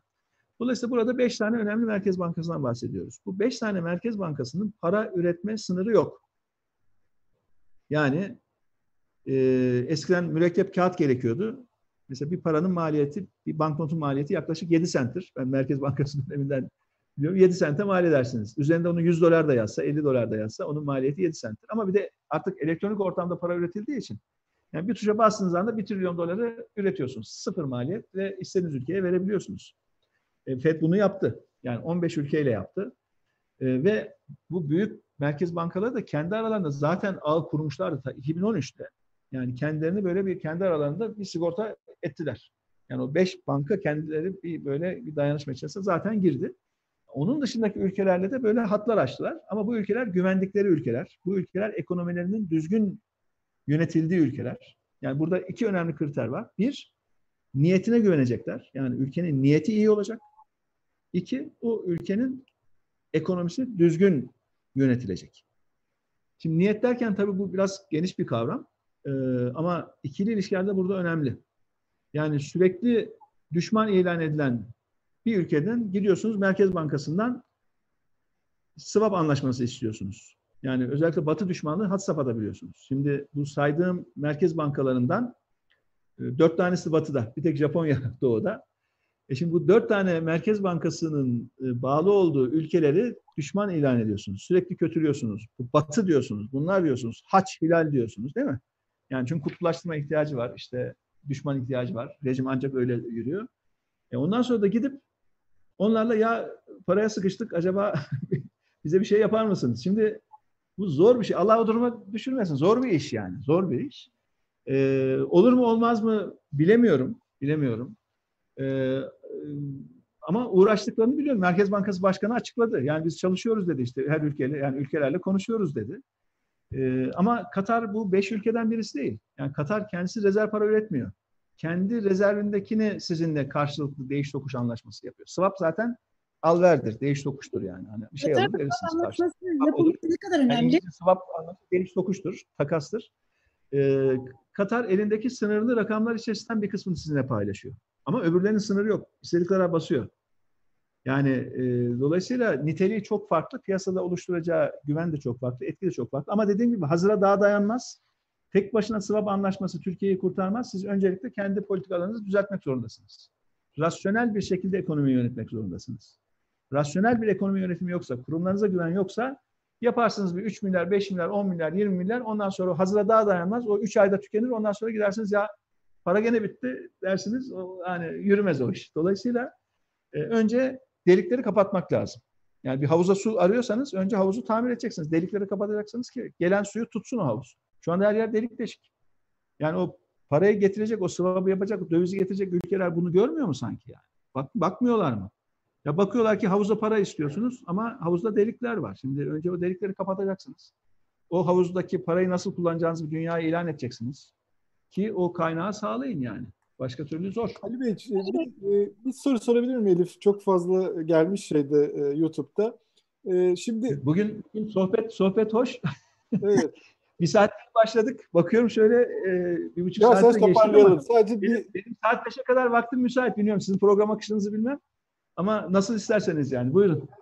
E, bu yani izleyicilerden çok soru gelmiş. E, şimdi bu e, HDP'li belediyelere kayyumlar atandı yine ve böylece e, 66 belediyesi olan HDP'nin e, 51 belediyesi artık kayyumlar tarafından yönetiliyor. Sadece tek bir şehir e, HDP'nin elinde kaldı. Kars, diğer bir hepsinde kayyum var. Buna nasıl bakıyorsunuz? Bu hala devam ediyor. Çok da eleştiriliyor. Siz de daha önce de eleştirdiniz. Bu e, özellikle Türkiye'deki e, Kürt meselesinin e, serencamı açısından bu kayyum politikası ısrar edilmesi nereye e, götürür Türkiye'yi? Biz bunu parti programımızda da çok açık yazdık bu kayyum atama meselesine. Şimdi biz bunu ilkesel olarak bakıyoruz. Tabii her bir belediye başkanı ile ilgili konu nedir? Dosyalarda neler vardı bilemeyiz. Ama hükümetin tek taraflı olarak ve hiçbir yargı kararına bağlı olmadan bir belediye başkanını görevden alıp da onun yerine atanmış bir kişiyi koyması biz ilkesel olarak buna karşıyız. Bir yargı kararıysa sorun yok.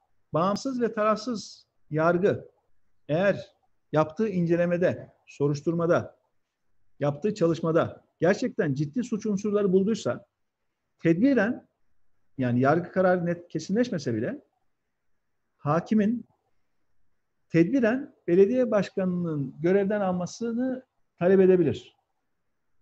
Ha, kesin hüküm varsa da tamamen geçici, bu iş kalıcı halde getirilebilir. Ama yine bizim mevzuatımızda açık bir konu vardır ki orada seçilmiş bir sürü belediye meclis üyesi var. Yani belediye meclis üyelerinden niye bir başkası düşünülmüyor da hükümetin tek taraflı atadığı bir kişi oraya e, belediye başkanı, kayyum başkanı olarak atanıyor. Şimdi bunların hepsi ciddi soru işareti. Bunlarla belki günü kurtarırsınız. Ha, devletin elinde bazı bilgiler olabilir, istihbarat bilgisi olabilir ama devlet hukuk devletine yakışır bir şekilde hareket etmek zorundadır. Hele hele seçilmiş bir belediye başkanı demek arkasında bazı yerlerde 5 bin kişidir, bazı yerlerde 500 bin kişidir, bazı yerlerde 5 milyon kişidir. O kişinin arkasında bir irade vardır. Bir toplumsal irade vardır. Bir halkın iradesi oradadır. Ve bu seçim öyle çok yıllar önce olan bir seçim değil. Daha geçen sene Mart ayında yapılan bir seçimden bahsediyoruz. Taze bir siyasi irade var orada. Ve bu toplumun iradesi. Eğer bunu böyle alışkanlık haline getirseniz seçimleri anlamsızlaştırırsınız. O zaman Türkiye'nin bazı bölgelerinde insanlar artık sandığa gitmemeye başlar. Halbuki demokrasilerde halkın sözü sandıktadır. Eğer sandığı siz anlamsızlaştırırsanız o zaman başka yöntemler, başka çıkış yolu insanlar aramaya başlar. Halbuki bizim yapmamız gereken bu ülkenin vatandaşlarının demokrasiye bağlılığı, bu ülkenin vatandaşlarının seçime inanması, seçimlere güvenmesi, seçimlerin sonucuna güvenmesi. Katılımcı demokrasi budur.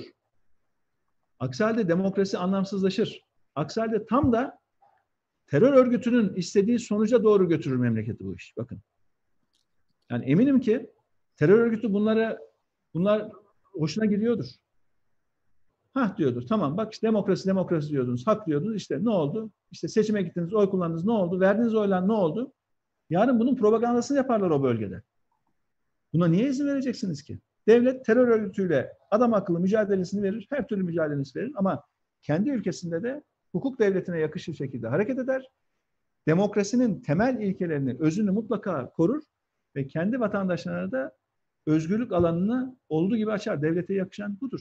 Yani yasaklarla ben yaptım oldu, ben dedim oldu demekle yönetmeye başlarsanız buna bunun uzun vadede hem toplumsal yapımıza hem demokrasimize hem de ülkenin genel anlamda güvenliğine büyük zarar dokunur. Peki Ali Bey, e, şimdi siyaset yani kutuplaşma her daim vardı yani Türkiye'de. E, fakat bu dönem hiç olmadığı kadar yani tarihinde olmadığı kadar sert bir kutuplaşma var ve bu e, her geçen gün daha da hani e, sertleşiyor. E, siyasetin dili de aynı şekilde. Hani bir nefret, öfke dili hakim, tehdit e, işte televizyon ekranlarında biliyorsunuz bir rövanş, tehdit, indirme e, söylemleri hakim.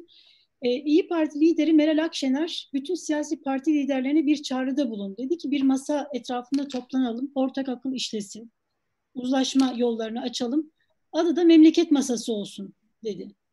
Sayın Kılıçdaroğlu e, bu teklife olumlu baktı. Bahçeli ise oldukça öfkeyle cevap verdi. Hatta e, Taha Akyol gazetemizde bu memleket e, masası için çok güzel bir yazı yazmıştı. E, Kılıçdaroğlu Taha Akyol'da yani çok ağır ifadeler, hani burada zikredemeyeceğim ağır ifadeler e, kullandı. Bahçeli. Kılıçdaroğlu da Bahçeli galiba. Pardon çok özür dilerim. Özür Bahçeli. Ee, siz bu teklife nasıl bakıyorsunuz? Bahçeli'nin bu çıkışını nasıl değerlendiriyorsunuz? Şimdi açıkçası dediğim gibi iktidar tarafında sürekli içeride dışarıda bir karşı taraf gösterme, bir isim gösterme. Bugün bir isim, yarın başka isim. Yani kendi seçmeninin böyle odaklanacağı bir şey göstermesi gerekiyor. Çünkü iş üretemeyince, başarı üretemeyince işte bir hedef göstereceği bir şeyler yani. Dışarıda oluyor, içeride oluyor. Ee, ben tabii Tabi ile ilgili konuya da üzüldüm. Kendisini de aradım, konuştum. Yani bugün tabi olur, yarın başkası olur. Ee, yani bu sadece siyaset yapma tarzının e, sonuç konular bunlar açıkçası. Şimdi e, diğer konuya gelince ben hani daha önce de söyledim, partimizin ilk kuruluş gününde söyledim. Biz siyasi parti diyalog kanallarının açık olmasının çok önemli olduğunu düşünüyoruz. Ve bakın ben Dışişleri Bakanlığı yaptım. 8 yıl Milli Güvenlik Kurulu üyesi oldum. Savaşın ortasında dahi savaş eden, karşı, savaşta olan ülkeler arka planda çalışan bir iletişim mekanizması olur. Bu çalışır. Savaşın ortasında dahi. Yani diplomasinin gereğidir bu. Ancak şu anda Türkiye'de siyasi partiler arasındaki ilişkiler e, çok düşmanca. Bu özellikle iktidar tarafındaki düşman ihtiyacından, karşı taraf ihtiyacından kaynaklanıyor. Bunu besleyen iktidar tarafındaki iki parti. Yoksa muhalefet partilerinin öyle bir durumu yok. Onlar daha çok reaktif bir şekilde bu sürekli saldırılara karşı bir hani koruma ve reaksiyon içerisindeler. Ee, biz diyaloğa her zaman açığız ama bu e, diyalog çerçevesi nasıl oluşur? Nasıl yapılır? Bunun yolu, yöntemi nedir? Yani biz uluslararası planda bunu çok yaptık. Yani savaşan ülkeler arasında arabuluculuk çok yaptık. Yani ülke içerisindeki ihtilafların çözülmesi için çok gayret gösterdik. Pek çok ülkede ve bunu çok sessiz bir şekilde yaptık. Yani burada eğer hani gerçekten bir diyalog arayışı varsa, gerçekten beraberce bir şeyler yapalım arayışı varsa bunun yolu yöntemi bellidir. Yani bu tür çağrının e, öncesinde yapılması gerekenler olur. Yani bu tür çağrılar televizyondan duyulmaz. Bu tür çağrılar samimi çağrısı önce bir hani başka ortamlarda konuşulur, edilir. E, ondan sonra gereği yapılır açıkçası. Ama önce bunun bir geri plan e, hazırlığı olur. E, yoksa bu çağrıları ben bugün buradan da yapabilirim yani. Hani, e, ama çok anlamı olmayabilir. Hani gelin bu masaya oturalım konuşalım ben de diyebilirim. E, yani bunun önce bir geri planını iyice çalışılır. E, televizyondan hani öğrenilmez, başka yerlerden duyulması lazım ki e, şey yapılması lazım yani gerçekten samimi bir şekilde neyse bakılır, konuşulur. Biz dediğim gibi diyaloğa hep açığız. E, herkes de diyaloğa açığız. E, ve diyalogla, e, istişareyle bu ülkelerin ancak e, sorunlarını, bu ülkenin sorunlarını çözebileceğine inanıyoruz. E, yani ilkesel olarak yaklaşıyoruz bu meseleye de başka meseleler oldu. Peki e, Ahmet abi sorunuz var mı Yıldıray? E, Teşekkür ederim. E, yani o, Gayet iyi oldu, uzun oldu. Haydi yorduk Sayın Babacan'ı. Çok teşekkür ediyoruz. Evet, ben çok teşekkür ediyorum. Ee, şu seyahat yasağı inşallah e, biter de daha yakın böyle e, yüz yüze de sohbetlerimizi yaparız. İnşallah. Ee, biraz ara ara açıldı biraz. Ee, inşallah e, en kısa zamanda yine sosyal mesafeye dikkat ederek yüz yüze de görüşürüz inşallah. İnşallah. Çok teşekkür ederiz. Ben tekrar buradan e, bayramınızı şimdiden kutluyorum. Aslında bu program vesilesiyle tüm milletimizin, vatandaşlarımızın bayramını şimdiden kutluyorum. Ee, bayram sonrası yine görüşmek üzere diyorum. Peki, çok teşekkürler Ali Bey. Ee, başarılar diliyoruz çalışmalarınızda. Evet, bir program ben... geldik. Karar TV ekranlarındaydık. Özel röportajımız vardı. Ee, Elif Hanım, izlenme oranlarına dair bir şey var mı elinizde? Şey var, evet. izlenme oranları şunu rahatlıkla söyleyebiliriz ki bugüne kadar ki herhalde izlenme rekorunu kırdık. Binlerce yorum geldi. Ee, bu da herhalde Ali Bey açısından e, oldukça iyi bir şey olmalı bir siyasetçi için. Çok, tekrar teşekkür ben ederim. Karar, Karar TV adına da çok sevindim. Teşekkürler. Sağ olun. Ee, program YouTube kanalımıza üye olabilirsiniz diyelim o zaman izleyicilerimize. Bu programı tekrar Spotify'dan ve podcastlerden izleyebilirsiniz. Ee, tekrar teşekkür ediyoruz Ali Bey. Ee, ben teşekkür her... ediyorum. Tekrar şimdiden hayırlı bayramlar diyorum herkese. Hayırlı bayramlar efendim. Diliyoruz.